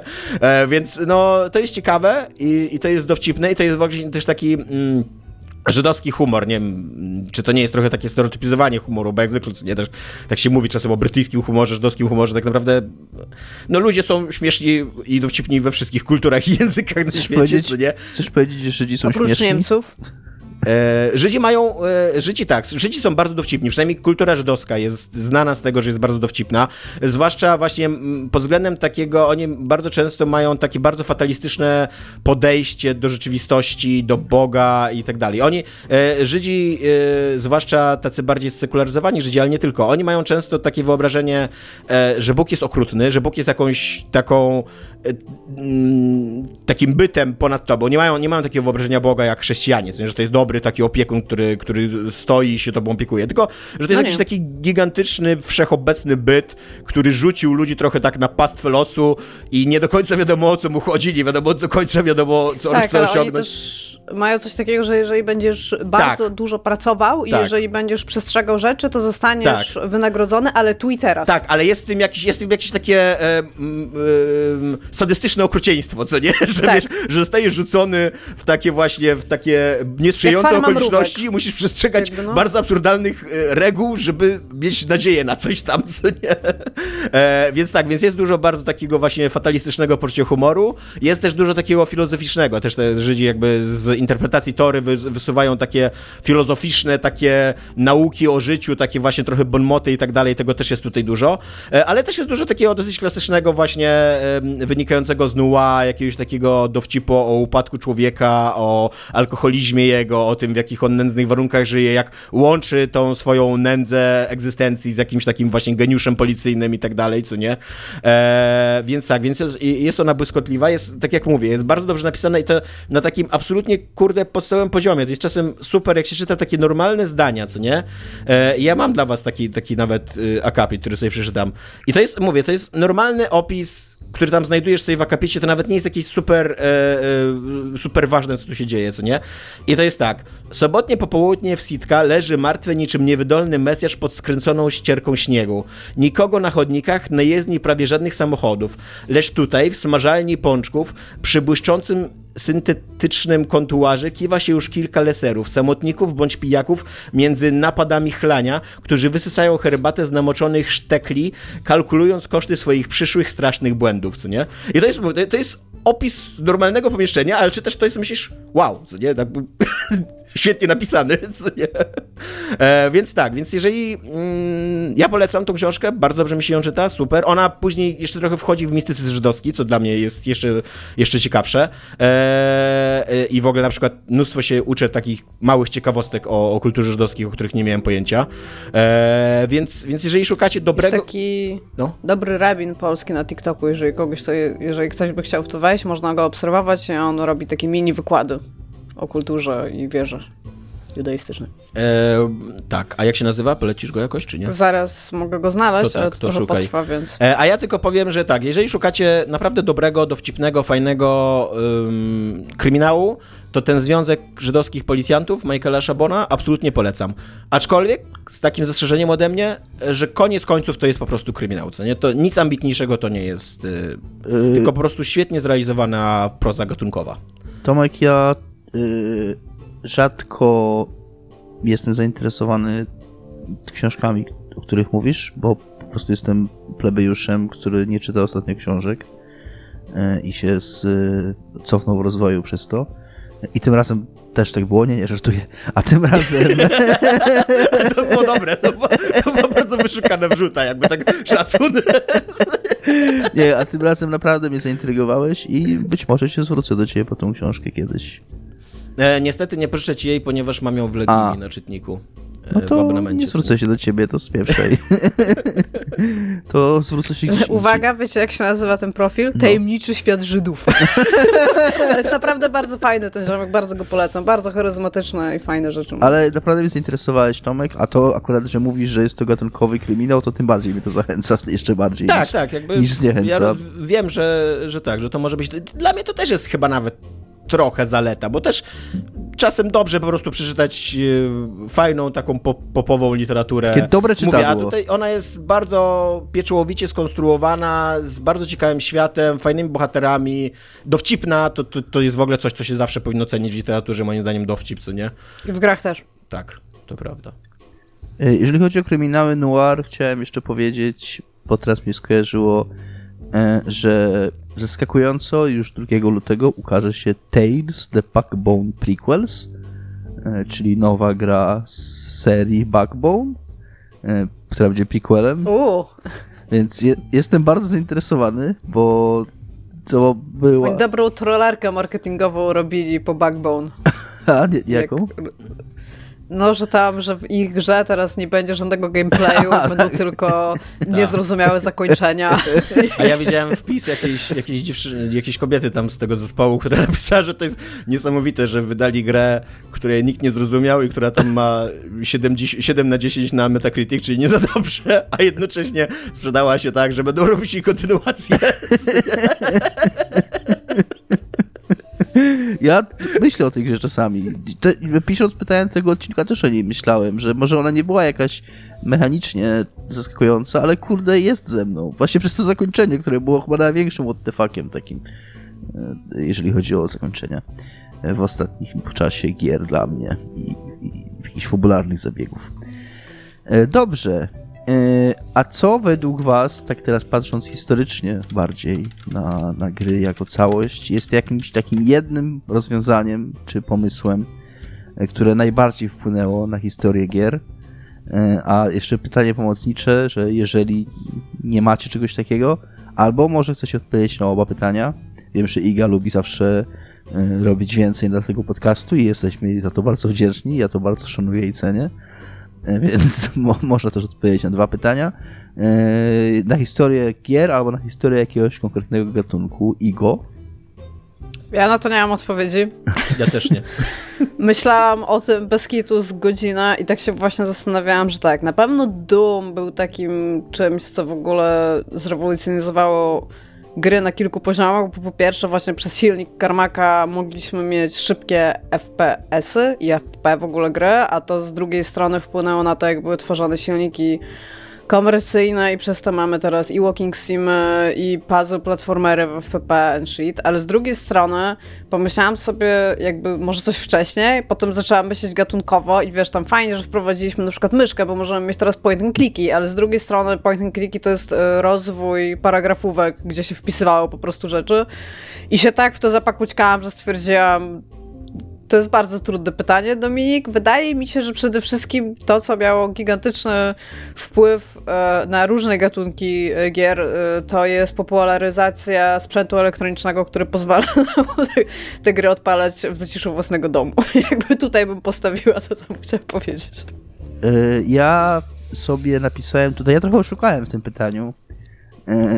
I napisałem sobie. Dominik nawet, nawet na swoje własne pytanie nie odpowiada.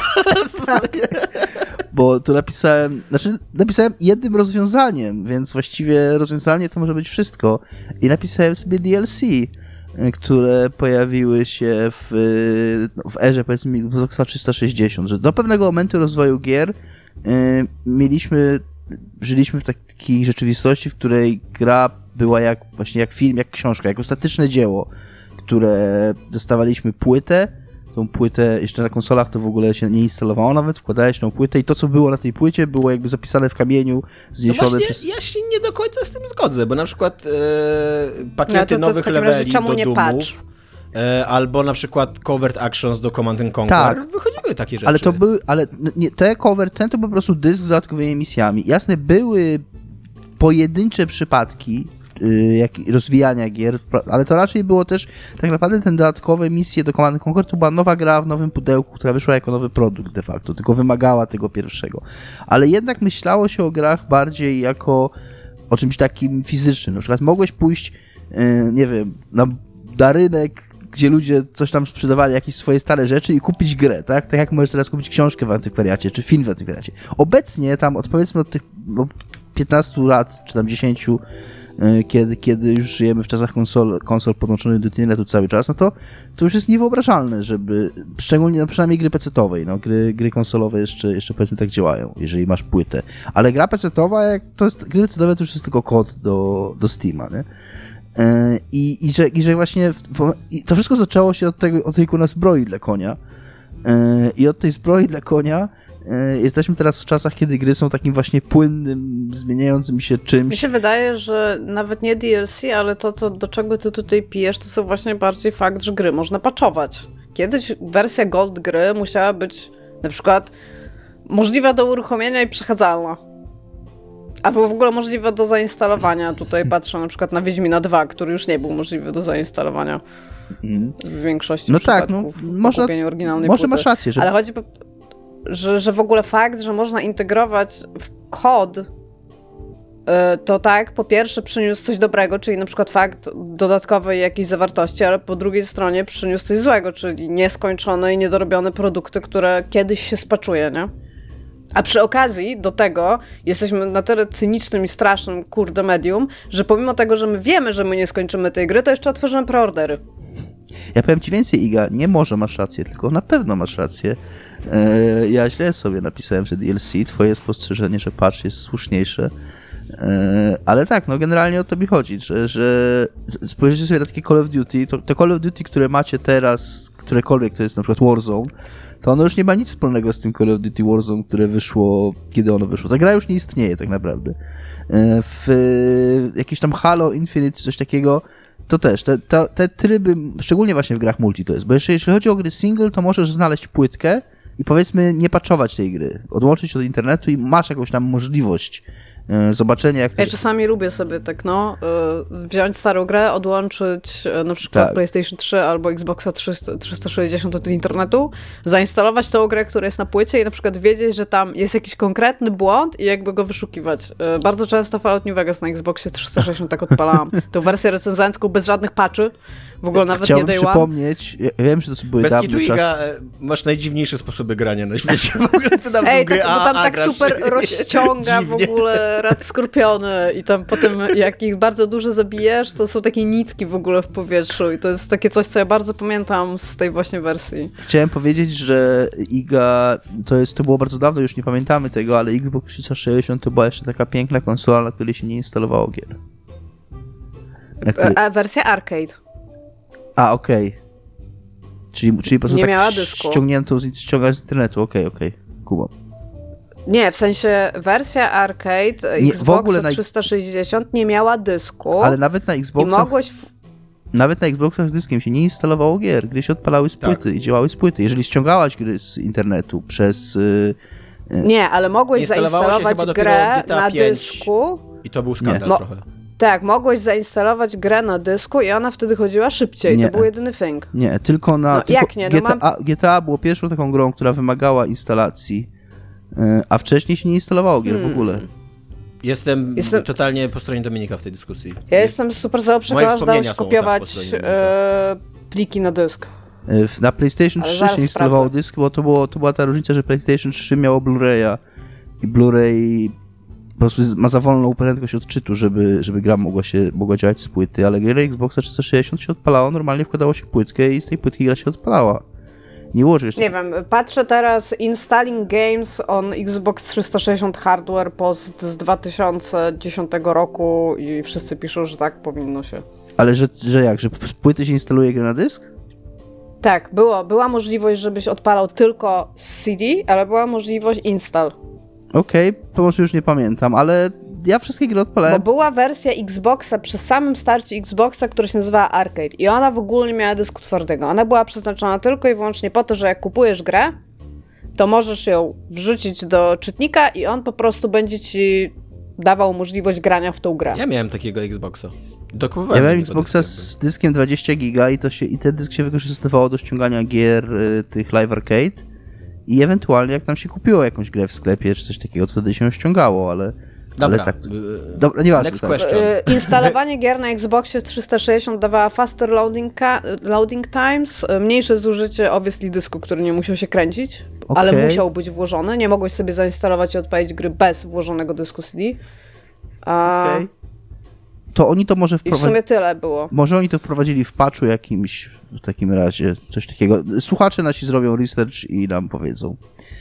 E, a skoro już o gatunkach mowa i o e, o rozwiązaniach, które coś tam zmieniły, to jaki gatunek gier jest według Was najbardziej podatny na zmiany nowości, a jaki się już zupełnie skodyfikował i nic się w nim nie dzieje? Tomek? E, ja mam odpowiedź na to taką, że nic się nie dzieje w JRPG-ach, y, moim zdaniem od dawna. E, trochę chyba dlatego, że odbiorcy JRPG-ów spodziewają się, że nic się w nich nie będzie działo, że, że to jest bardzo taki skodyfikowany i, i oklapły gatunek i oni chcą, żeby on taki był i oczekują takich gier. Natomiast bardzo dużo się dzieje w roguelike'ach, roguelite'ach też. E, głównie dlatego, że to jest stosunkowo nowy gatunek i on się okazuje być bardzo przylepny, że się tak wyrażę, e, bardzo łatwo adaptowalny do innych gatunków. I właśnie łączenie roguelite'ów z innymi gatunkami jest teraz e, em, older age wśród deweloperów e, i, i, i, jest totalnie na topie. I e, mówię, i okazuje się, że to bardzo często przynosi jakieś ciekawe wyniki e, i, i dobrze nawet. No, myślę, że to minie jakby, jak każda moda na, na, na, na, różne gatunki, ale na razie póki jesteśmy w tej takiej roguelike'owej, roguelite'owej e, fali, to ja nawet lubię ten gatunek i, i fajnie widzieć, co tam jeszcze z tego wychodzi i, i, i tak, i, i jestem otwarty na to. Jeżeli chodzi o JRPG, to y, ostatnią innowacją był Elden Ring.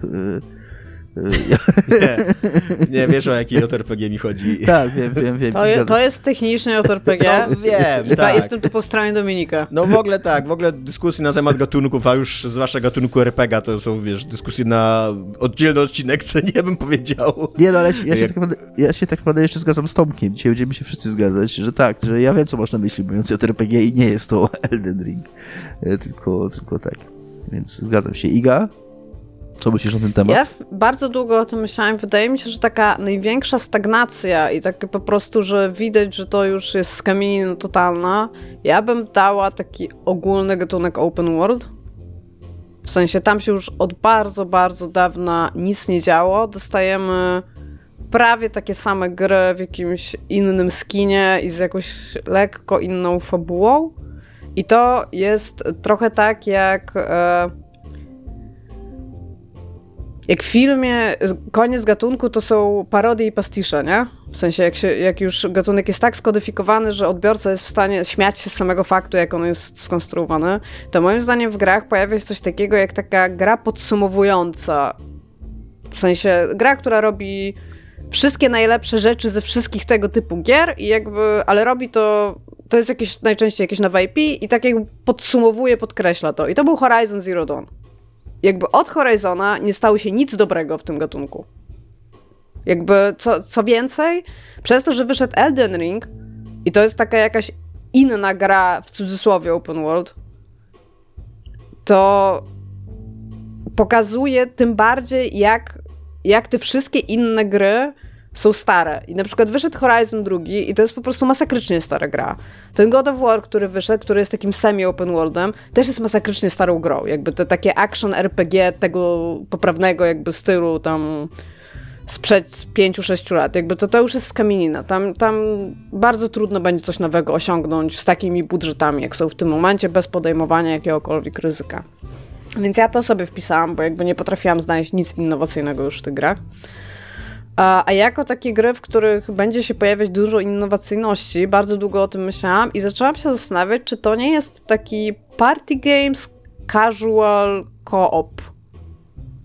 Że takie jak Fall Guys wyszły, ale też taki, e, nie wiem, PUBG jak wychodził, albo Fortnite, albo tego typu rozrywki, czyli taki casual, ale też trochę free to play rzeczy, czy oni tam nie będą, czy oni tam nie potrzebują takich skoków innowacyjności. Na zasadzie, że wyjdzie jakaś gra, ona staje się popularna, potem wszystkie gry z tego korzystają przez jakiś czas, po czym wychodzi kolejna gra, która jest na tyle popularna, że wszystkie gry dookoła nie bazują, po czym wychodzi kolejna, ale tak naprawdę każda, każdy z tych sukcesów to jest coś zupełnie nowego jakby, nie?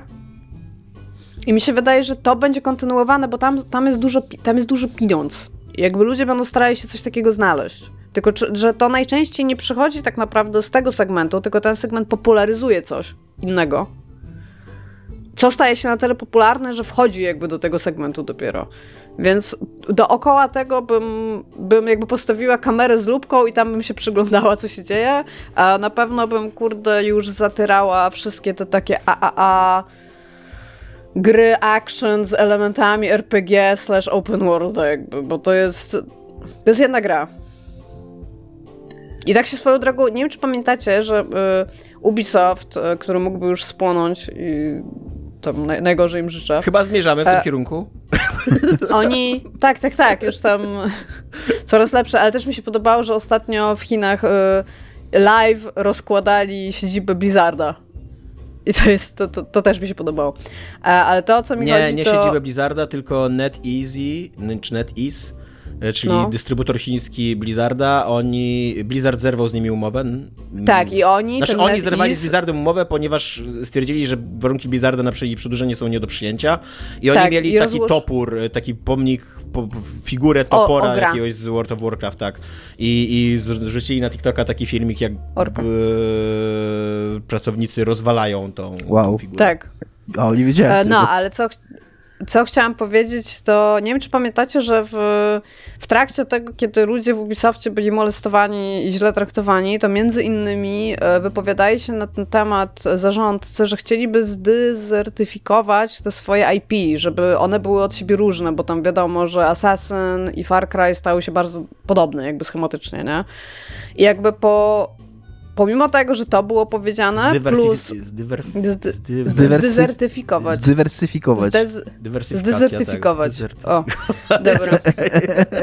Teraz, że wziąłeś trudne słowo, to jeszcze jest tam słowotwórstwo zrobiłaś. Właśnie zastanawiałem się, nice. zastanawiałem się też, co, co, Piąteczka. Co Ale tak samo jak powiedzieli, że zrobił coś z tymi ludźmi, którym zarzucane było e, no, złe traktowanie innych pracowników albo ich podwładnych i nic się z tym nie stało, tak samo chyba nic nie zrobili w ogóle z faktem, żeby cokolwiek e, zrobić z rozróżnieniem tych swoich IP, bo jakby tam też jak na razie nic nie wyszło takiego, żeby pokazać, że wzięli cokolwiek pod uwagę, żeby rozróżnić te, te, te, te różne IP, więc więc tak.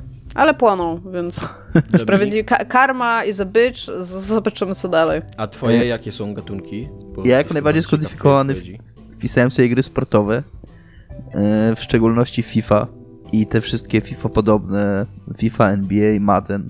E, były takie czasy, kiedy te gry się rozwijały i, i były, były też czasy, kiedy te gry były różne, bo miałeś jakiś tam Sensible Soccer, miałeś FIFA taką, miałeś FIFA izometryczną, później miałeś FIFA 3D i te gry się rozwijały zarówno mm, wizualnie, ale też tak mechanicznie, gameplayowo. Od kiedy tam, nie wiem, od FIFA 07 czy 08, czyli już dobre, nie wiem, 15 lat, e, te kolejne gry no już nic nie robią i jest takie wrażenie, że nie wiem, czy już nie da się nic nowego wymyślić, czy... Znaczy, pojawiają się czasem takie pojedyncze strzały w stylu tam turówka. Taka, Nice. Albo, albo ten kapitan Tsubasa chyba też był jakiś takim trochę innym, inną próbą podejścia do... e, Ale masz rację, że to, to tylko takie są właśnie strzały gdzieś tam zupełnie na marginesie, co nie? Poza światło bramki, że się tak wyrażę. Tak, a wydawało się, wydawałoby się, że też jest jakoś tam bardzo dużo ludzi w to, gra w te gry, jakby jest na to, jest na to duży rynek i, i, a nikt nie chce proponować czegoś nowego, jakiegoś innego No podejścia. ale to jest to, jak ja powiedziałam, to jest trochę ten segment casual, nie? No bo trudno jest mówić o ludziach, którzy grają tylko w FIFA, jako o graczach. To są casuale, którzy lubią grać No w właśnie, FIFA, e, tak? wydaje mi się, że to wynika dokładnie z tego, że są ludzie, którzy w to grają i oni chcą bardzo konkretnego experience, nie? Jakby realizm y, transmisji telewizyjnej to jest to, czego się Tak. szuka w, i, i nic ale, innego, co nie? ale z drugiej strony ustaliliśmy wiele razy w tym podcaście, że ludzie gówno wiedzą, czego chcą i jakby im dać coś lepszego, to albo interesującego, to może by to łyknęli też. Yy, ale, a też oprócz tego mam również gry wyścigowe, też również. Yy, trochę mniej może niż sportowe, bo tutaj żeni się od jakiegoś czasu i znowu, od jakiegoś czasu znowu, bo nie mam na myśli 10 lat, e, z open worldami, więc tam coś się dzieje. Forza Horizon coś tam kombinuje, robi jakieś Lego eventy i tak dalej, więc no coś tam się dzieje, więc może trochę mniej niż gry sportowe. A podatny na nowości pisałem sobie tak jak Słuchaj, jak Tomek. wyjdzie taka gra Heading Out, to ona zatrzęsie po prostu segmentem gier samochodowych? Ale mówimy o sportowych, tak? Nie, nie, nie, o, teraz mówił o wyścigowych. y, Wyścigowych, będzie powiedziałem sportowe, a później podał dwa. wyścigowe. jakby, okej. tak.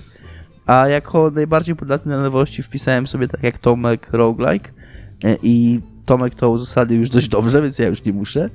E, Natomiast powiem to, co mnie yy, intryguje w tym temacie, że roguelike z jednej strony jest dokładnie taki, mówię, sam go sobie wpisałem, a z drugiej strony staje się powoli czymś takim jak RPG, czyli takim określeniem, które nie do końca jest już gatunkiem, że już nie do końca wiadomo, co to jest, że roguelike to jest tylko taki dodatkowy element możesz mieć y, grę akcji roguelike'a, karciankę roguelike'a, grę narracyjną roguelike'a, sportową Ale dokładnie to to oznacza, że to jest międzygatunkowe użycie mechaniki. y, ale ja, no tak, ale ja w tym pytaniu mówię o, o konkretny gatunek, jakby, czy, czy można powiedzieć, Mhm. że, czy można powiedzieć, że roguelike jak samo w sobie coś mówi o grze, nie? Tak, Jakby- to prawda, tak. że to już nie jest konkretny gatunek, przez to, To- że on jest taki czepliwy do innych gatunków. Tak, się że to z jest, to jest, możesz mieć mechanikę, ale to nigdy nie był jakiś Nie, nie. zakorzeniony w Z jednym tym się nie zgodzę. Na gatunek. początku to były y, y, platformówki, takie akcji 3D, mniej No, ale lub- to, że one takie były, ale Znaczy to 2D, przepraszam. jakby definicja roguelike'a nigdy nie zawierała w sobie stricte gatunku. Nie do końca się z tą zgodzę, ponieważ nazwa tego gatunku pochodzi od konkretnej gry, Rogle Kasy. Tak, i, ale i, jeszcze I raz. kiedyś z takimi grami kojarzono roglaki, co nie? Od, od, tak, no nie- ale nie jeszcze raz, jakby definicja roguelike'a sama, sama w sobie, jakby co z tego wynikało, jako że roguelike też nie był gatunkowo poza tym jednym patentem super wyjątkową grą, za- zakładała po prostu powtarzalność ranów ze względu na jakiś y, system, który tam nad tym funkcjonuje, nie? Ja chciałem tylko uściślić, że nazwa gatunku Rogue pochodzi od gry Rogue, znaczy roguelike. A nie E, Rogle Kasy? Nie, Rogue Legacy to już jest dużo, Rogue. dużo to jest już dużo, dużo późniejsza gra. To źle Gra- myślałem. Rogue jest super, super starą Rogue grą jest taką. super, super Star Wars od lat 80. E, taką podobną to już było, było chyba NetHack i to była taka gra, że na takim, na takim ASCII jeszcze chodziło się ludzikiem Mhm. po jakimś dungeonie e, i zabijało potworki i, i się robiło tam, no i miało się tam właśnie jednego rana, nie? I przez jakiś czas to były dokładnie takie gry. Yy, mówiąc roguelike, miało się na myśli właśnie takie gry z góry, po której chodzisz po lochach ludzikiem, zabijasz potwory, jak umrzesz, to ci się ten loch na nowo generuje. I podobnie takim gatunkiem jest, stało się już RPG od jakiegoś czasu, że znaczy, wie, to, może trochę mniej, bo jakby wiemy, co to jest gra RPG, ale też czy wiemy tak naprawdę, jakby też, też jest to takie dla mnie e, dosyć, dosyć niejasne. Call of Duty jest grą RPG dzisiaj. Tak, no dokładnie. Wszystko może być grą RPG i, i nic tak naprawdę nie jest już grą RPG. E, Iga, słyszałem, że przyniosłaś nam dzisiaj dużo małych, nowych, fajnych gier od Igi. Czy to prawda? A zrobię najpierw przedsłowie do tego, co chcę powiedzieć i powiem, e, tak uchylę rąbkę e, prywaty, że tak powiem i dwa ostatnie e, tygodnie w firmie Więcej Laserów były bardzo pracowitym okresem i musiałam bardzo długo siedzieć i robić różnorakie rzeczy. W związku z czym bardzo trudno było mi usiąść i wrócić do tych gier, które mam zaczęte, żeby dalej je kontynuować, bo po prostu jak się robi tyle rzeczy w grach, to troszeczkę człowieka strzela po jakimś czasie. Jest taki syndrom pełnego naczynka, bufor prze, przeładowany. I w związku z tym chciałam polecić kilka takich bardzo casual, przyjemnych giereczek, które są raz, niedrogie lub nawet darmowe. A dwa bardzo mi pomogły się wyluzować i pomyślałam, tak jak Tomek mówił na przykład o unpacking, bo to są tego typu e, gry, które można sobie poklikać, one są takie super, super super massive casual games. Coś takiego bym powiedziała. A plus y, ludzie apparently, jak tylko kot jest w grach, to już tam pełne kale sraki, po prostu internet łóżko, jest kot w grze, mój Boże, najbardziej innowacyjny gameplay 2000, w ogóle forever. Game of the year, every year. Uh, I mam kilka takich uh, gier, które chciałam polecić. Uh, I może zacznę od jednej darmowej, która jest tak chyba naprawdę najnowsza. Ona się nazywa, i to ma, ta gra ma kilka części, ale jeżeli sobie wpiszecie ten tytuł, który zaraz powiem, który jest trudnym tytułem, z zero, to ona jest za darmo na Steamie i nazywa się I Commissioned Some Bees. Jeszcze raz, I Commissioned Some Bees i tam jest chyba od zera do 5 albo 6 i to typ sobie zrobił bardzo wiele takich e, obrazków w typie, gdzie jest Wally i trzeba tam wyszukiwać pszczoły, więc się chodzi i klika i szuka się pszczół, to jest za darmo, jakby to, to, to nie jest nic nie wiadomo. E, 7 złotych. 7 złotych 19 zero? groszy. Z tyłu? Nie, zero. A. Zero kosztuje. Tak. No i właśnie widzisz, zero. jak Dominik mnie słucha. Zero kosztuje zero i to jest taka jakby demo okay. version dla ludzi, którzy byliby zainteresowani. Ale tak, kosztują mniej niż 10 zł każda z tych, z tych części. I ta gra ma polski, ma gra polski tytuł w ogóle, który brzmi Zbierz rój pszczół. No, widzisz, I commissioned some bees w każdym razie, a, których, na które chciałam zwrócić uwagę. Rysunki są ładne, natomiast jest z nią taki jeden problem, przynajmniej w tej części zero, bo w inne nie grałam, a, bo będę zaraz mówić o innej tego typu grze. Kiedyś się przyskroluję, żeby troszeczkę bliżej widzieć e, te rysuneczki, bo to jest takie jak Hidden Folks. To jest na, na tej zasadzie, ta gra, w której wszystkie dźwięki były robione paszczą. A, to tam jest taki problem, że straszne artefakty zaczynają wychodzić, się rozpikselizowują rzeczy, natomiast rysunki są ładne, takie bardzo komiksowe, więc można sobie tam pooglądać, co się na nich w ogóle dzieje. A, natomiast inna tego typu gra nazywa się, już wam mówię, jak się nazywa, a, nazywa się Castle Full of Cats, która jest drugą częścią gry A House Full of Cats, gdzie wyszukuje się kotów i która jest... Y, po pierwsze dużo ładniej narysowana jakby tak technicznie, w sensie scrollowanie do przodu nie, nie rozpoksyjowuje obrazka, e, plus one są utrzymane w takim monochromantycznym stylu i mają kilka takich dodatkowych rzeczy, typu raz na jakiś czas e, w tym House Full of Cats jest na przykład kot, który ucieka, a w tym Castle Full of Cats są takie koty duchy i one są zwykle ukryte w jakiejś szufladzie albo jakiejś skrzyneczce, więc też chodzi się i się klika, plus są tam, jest troszeczkę bardziej jakby mechanicznie a ro, rozwinięta, bo niektóre drzwi są zamknięte za tym, ile kotów się tam znajdzie, albo czy, masz, czy znalazło się na jakimś levelu klucz. Więc I to, to jest tak, jest że całe, całe te obrazki w tym A Castle Full of Cats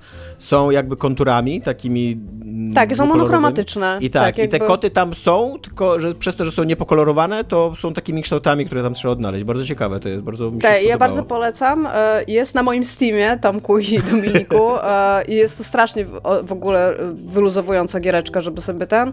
Ja w to grałam w ogóle z Tomkiem i naprawdę byliśmy we dwójkę wciągnięci, jak szukaliśmy te koty. E, więc bardzo polecam nawet tam z partnerem, slash partnerką, żeby sobie posiedzieć i poszukać tych kotów. E, I do, do tego jest taki puzzle, ja nie pamiętam jak się nazywa, ale jest taki azjatycki rodzaj układanki, że masz konkretne kształty i musisz je w inny kształt zmieścić. Wiecie o co mi chodzi? Że macie na przykład klocki, tam jeden jest, podwó- takie, jeden jest podwójnym klockiem, jakiś trójkątem i macie jakiś kształt i musicie tak ułożyć te klocki, żeby one się zmieściły i stworzyły dokładnie ten kształt, który musicie zrobić. I to się z kolei nazywa Cats Organized Neatly. I macie różne rodzaje kotów, one się nazywają, mają różne kształty i trzeba je poukładać po prostu e, i poprzekręcać i poukładać tak, żeby wszystkie się zmieściły w tym danym wam kształcie. I te, tych kształtów jest tam w pip, więc jeżeli chcecie to porobić, to to też jest... Ja widzę, że strasznie w ogóle- was cieszą te giereczki. W A ogóle ja muszę ci jakie, powiedzieć, Iga, że jaki to jest twoje rynek gry- e, duży, e, bo wszystkie Tak, te taki- gry mają bardzo dużo recenzji, kurde, na Steamie i to takie, Tak, bo one są wszystkie takie są właśnie proste. pozytywne. No bo sobie siedzisz, tam ma ładną oprawę graficzną, ładną muzyczkę i sobie siedzisz i klikasz i je przekładasz i jak chcesz się wyluzować i nie chcesz przez moment o niczym innym myśleć, tylko o tym, gdzie jest ten pieprzony kot slash pszczoła albo jak przekręcić tego kota, żeby go tam włożyć, no to jest w ogóle fenomenalnie dobry palette cleanser na to, że jesteś zestresowany czymś, e, właśnie się przypracowałeś, nie masz siły na książkę, grę z fabułą albo coś takiego, tylko chcesz właśnie tak mindlessly poklikać i to jest super, bo możesz to zrobić w 10 minut, możesz godzinę nad tym siedzieć, jeżeli ci się podoba i mi to strasznie, strasznie pomaga. I znalazłam Jesteś- grę, której jeszcze nie Jest też kupiłam. dogs, przepraszam, jest też Dogs Organized Neatly. Yy, I chciałem tylko powiedzieć, Iga, bo się z, Tomkiem razem wcinaliśmy, że ja się cieszę z tego, że jakkolwiek twoje gry bywają dziwne i, yy, i, i nietypowe, to jedno je łączy, mają wszystkie super tytuły. Tak. Ale jest jeszcze, jest jeszcze jedna gra, której jeszcze nie kupiłam, natomiast e, dzisiaj miałam zamiar to zrobić i teraz dajcie mi wejść do mojego koszyka. E, daj mi wejść do koszyka. Nazywa się A Little to the Left i nie jest to gra polityczna.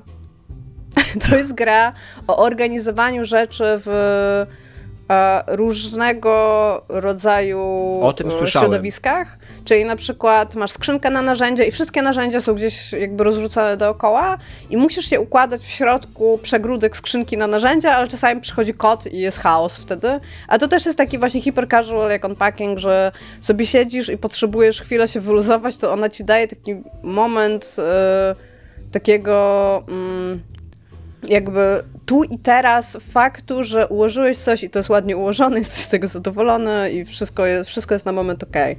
I jakby e, ja kilka razy pisałam lata temu teksty o tego typu grach, że one są po prostu potrzebne właśnie, żeby, żeby się wyluzować i żeby troszeczkę tego takiego ciśnienia z codzienności spuścić, skupiając się na jakiejś jednej powtarzalnej czynności, która jest prosta, ale która też daje satysfakcję. To jest takie trochę jak nadmuchanie balonika. Jakby nadmuchanie balonika nie kosztuje cię wiele pracy i być może podbijanie balonika nie daje ci dużo rozrywki, ale to się samo balansuje, nie? W sensie nie, nie wsadzasz w to dużo pracy, to ma jakąś interakcję i jest very, very okay.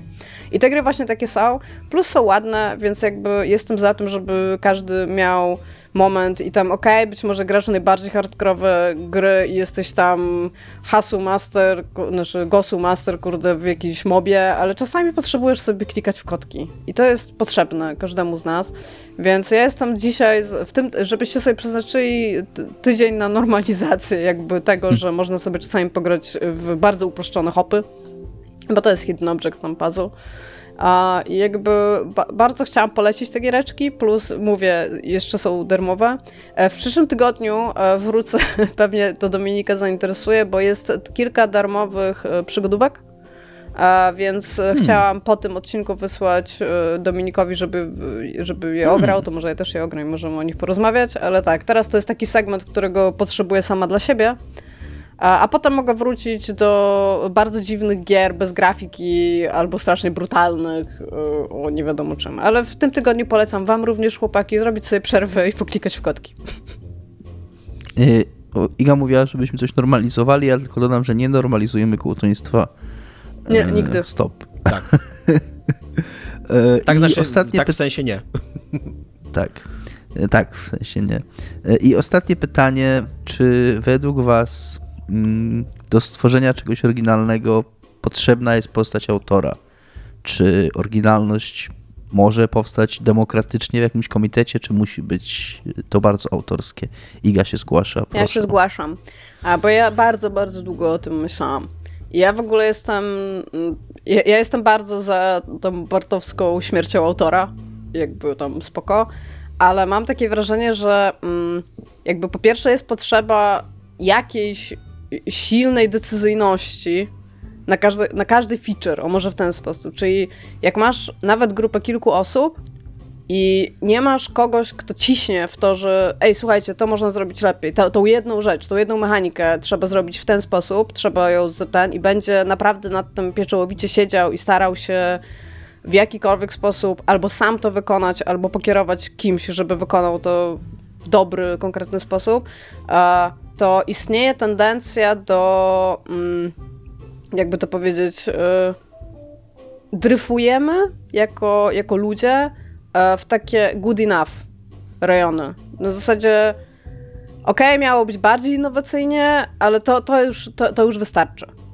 I jeżeli nie ma kogoś, kto w to wierzy i w to ciśnie, i to mówię, to nie, może, to nie musi być jedna konkretna osoba odpowiedzialna za jakby całość wizji albo coś takiego, ale jeżeli nie ma kogoś, kto wierzy i ciśnie w jakieś nawet jedną, jedno rozwiązanie mechaniczne, to istnieje duże prawdopodobieństwo, że to po prostu nie zostanie dostarczone w ostatecznej grze, bo, bo, bo osoba na przykład odpowiedzialna za implementację tego albo projekt tego, jeżeli nie jest dostatecznie często tak popychana w stronę tego, żeby to było dokładnie takie, jakbyśmy chcieli, a jeżeli ona w to na przykład do końca nie wierzy, albo to, to nie ona jest tą siłą, która, która to ma popychać, to istnieje tendencja do robienia rzeczy tak, jak są gdzieś indziej na przykład zrobione, albo bazujących na czymś, nie?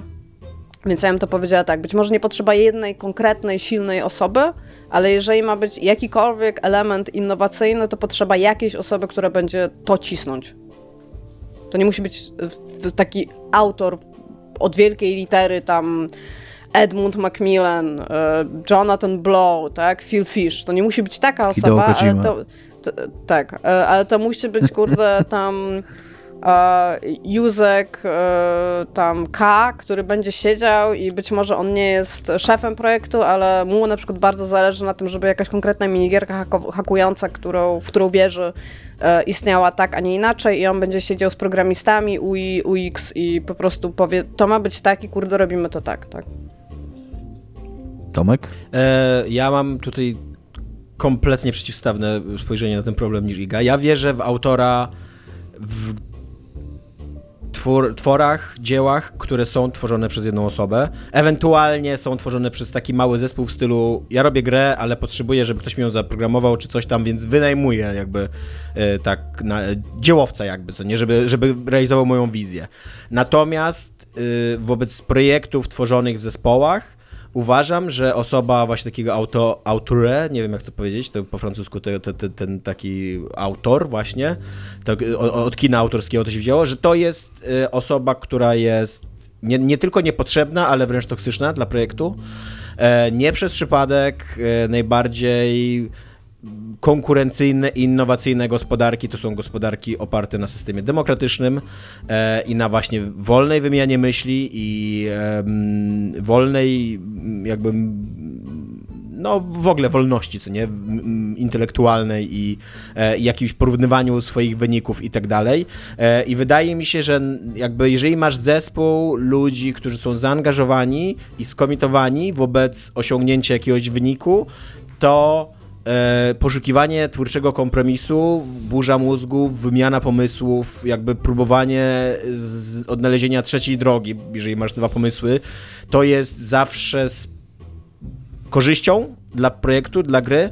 E, natomiast osoba takiego dyktatorskiego autora w takim zespole raczej właśnie moim zdaniem stanowi więcej niebezpieczeństwa, bo prowadzi do tunelowego myślenia, do zafiksowania się na jednej wizji, do takiego, no już nie mówiąc o, o tym, że morale zespołu też na tym cierpi, ale tak mówiąc tylko i wyłącznie pod względem mm, tego, jak, jak to wpływa na projekt, nie? Do takiego, do takiego przekonania, że jest jedna słuszna wizja realizowania czegoś i przedstawienia czegoś i musimy ją zrobić tylko tak, przez to nie szukamy innych rozwiązań, nie kwestionujemy, nie, e, nie rzucamy sobie wyzwań jakby kłód pod nogi i, i mówię, no nie, nie, nie, nie, nie myślimy, czy da się to zrobić inaczej i tak dalej. Ja y, rozumiem jakby o czym tu Iga mówi, bo oczywiście taki ownership, czyli taka, nie wiem, poczucie odpowiedzialności za dany feature, czy, czy coś jest ważne, ale wydaje mi się, że w dobrze zarządzanym zespole nie, potrzeb, nie, nie potrzeba takiej, wiesz, Znaczy, bo ty też wyszedłeś z takiego założenia, które od razu odnotowałam, o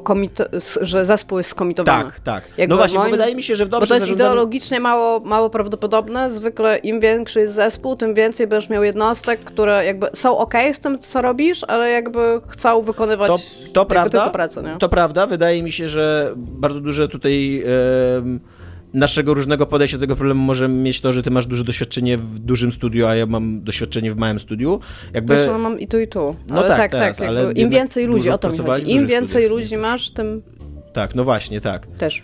No, jakby ja, ja pracowałem na, nad grą w takim zespole pięcioosobowym, a teraz dziesięcioosobowym i mówię, jeżeli, y, jeżeli wszyscy są zmotywowani, wszyscy są na pokładzie i wszyscy są e, właśnie czują taką, taki, takie poczucie jakiejś takiej odpowiedzialności za tą grę i za to, co robimy, e, to wydaje mi się, że ta osoba takiego właśnie trzymacza za mordę wręcz przeszkadza, co nie? Wręcz, wręcz może prowadzić do, do błędnych decyzji, do, do tego, żeby nie konfrontować się i, i nie kwestionować e, i, i no. Jeżeli wszyscy są zmotywowani, co mówię, jakby nie uważam, bo to, to, to w ogóle też jest nawet cykliczne moim zdaniem.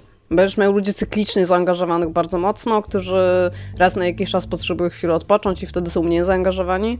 A dobrze jest, jeżeli przynajmniej jedna osoba ciśnie, że tak powiem, w jakość. To nie musi być jedna i ta sama osoba, jeżeli chodzi o wszystko, to musz, ale, ale każdy feature musi mieć przynajmniej jedną taką osobę, moim zdaniem, w teamie, która wierzy w to, że to powinno być takie, a nie inne. Ja nie mówię, że tutaj nawet o konfliktach, bo ja tutaj mówię raczej o jednostkach, które nawet nie wchodzą w jakiś konflikt i nie chcą z tobą rozmawiać na jakiś temat, tylko one są like, zrobiłem tak, uważam, że to jest good enough. Jeżeli nie będzie osoba, która przyjdzie jakby na przykład to jest funkcjonalne, to działa. A można to zrobić lepiej, tak jak się umawialiśmy, że tak powiem, żeby docisnąć. Jeżeli nie będzie nikogo, kto w to będzie cisnął, to bardzo często te rzeczy tak zostają. Natomiast, natomiast również akceptowanie tego, że rzeczy są czasem good enough jest bardzo ważnym elementem procesu produkcyjnego, żeby, tak, ale to żeby też zależy od kończyć, cyklu. kończyć feature'y, a nie mieć rozgrzebane je w Tak, nieskończoność. to też mówię, to też zależy od cyklu, nie? E, Bardzo, jeżeli masz na przykład zespół, który nie jest skomitowany w 100%, czyli masz 90% skomitowanego zespołu i kurde, nie wiem, dwie jednostki, które, które po prostu są for the ride. A, I nawet na preprodukcji, e, kiedy na przykład zlecisz e, preprodukowanie albo prototypowanie czegoś i tam już się nie dociśnie czasami, to po prostu z tym idziecie, nie? I to nie jest właśnie tak jak mówię, to nie jest kwestia tego, że jesteś zamknięty na dyskusję, tylko tej dyskusji nie ma.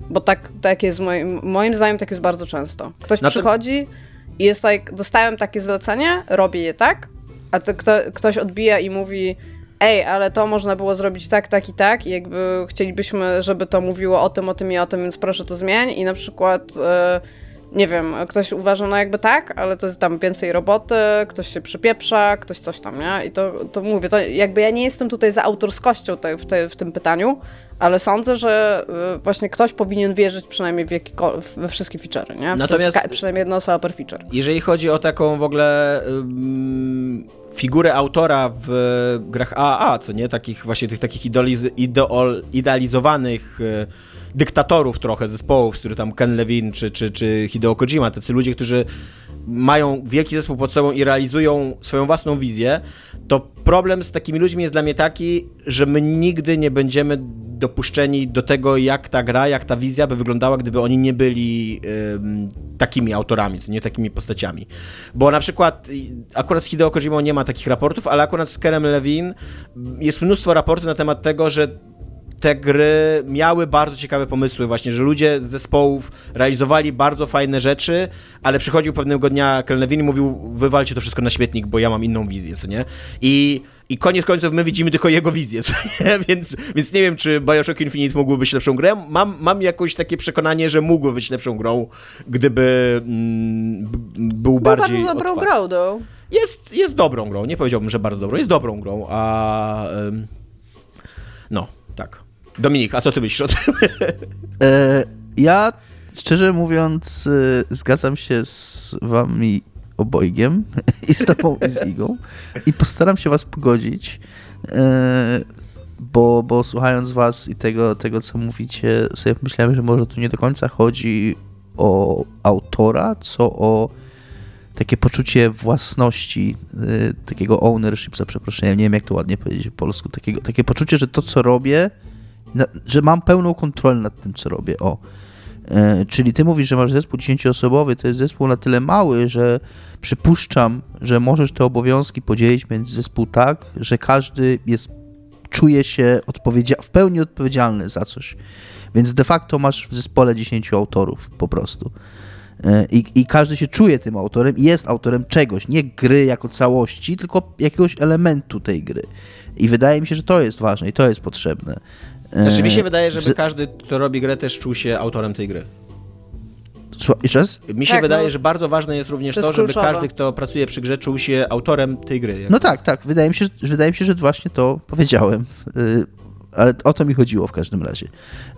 Za- Na pewno jest to trudniejsze i tak jak powiedziała Iga i zauważyła Iga, z całą pewnością jest to trudniejsze w dużych zespołach i z całą pewnością jest to wręcz, wydaje mi się, nieosiągalne w dużych zespołach, jak nad grą pracuje 300 osób, żeby każda miała poczucie wpływ, realnego wpływu na tę grę.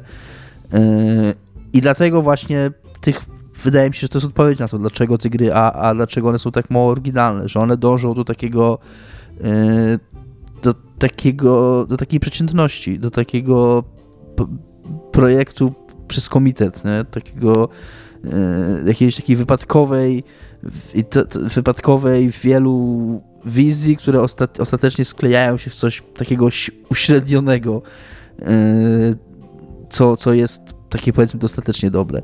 Więc mówię, moja odpowiedź na to pytanie jest, jest taka, że właśnie y, to poczucie własności, to poczucie odpowiedzialności, bycia autorem jakiejś przynajmniej części gry je- jest, jest tutaj najważniejsze. Nie wiem, czy to czy was pogodziłem, ale tak sobie pomyślałem, że spróbuję.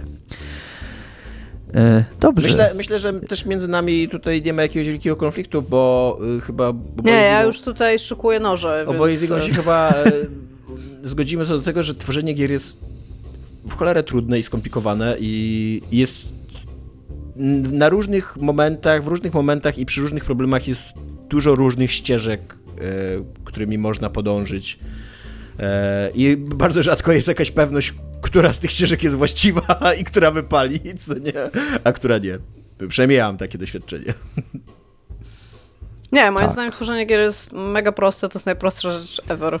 Jakby nie wiem, czemu wszyscy nie tworzą gier, to po prostu siadasz i pyk jest grania.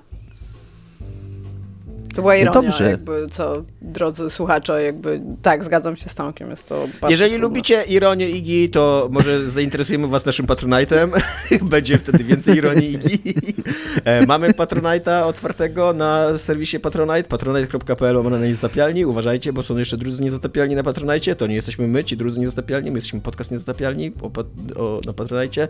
Dziękujemy wszystkim, którzy do tej pory się składacie e, i, i nas słuchacie i, i jesteście super zajebiści i te pieniądze są dla nas bardzo ważne. Szczególnie dziękujemy Tomaszowi, Tomaszowi, Michałowi i Mafinkowi, którzy się składają e, na najwyższym progu dostępnym, udostępnionym przez nas e, i, i to jest w ogóle super ekstra, już zajebiste rewelacja i tam 100%, 100% mocy dla was, co nie? Tak. Dziękujemy. tak.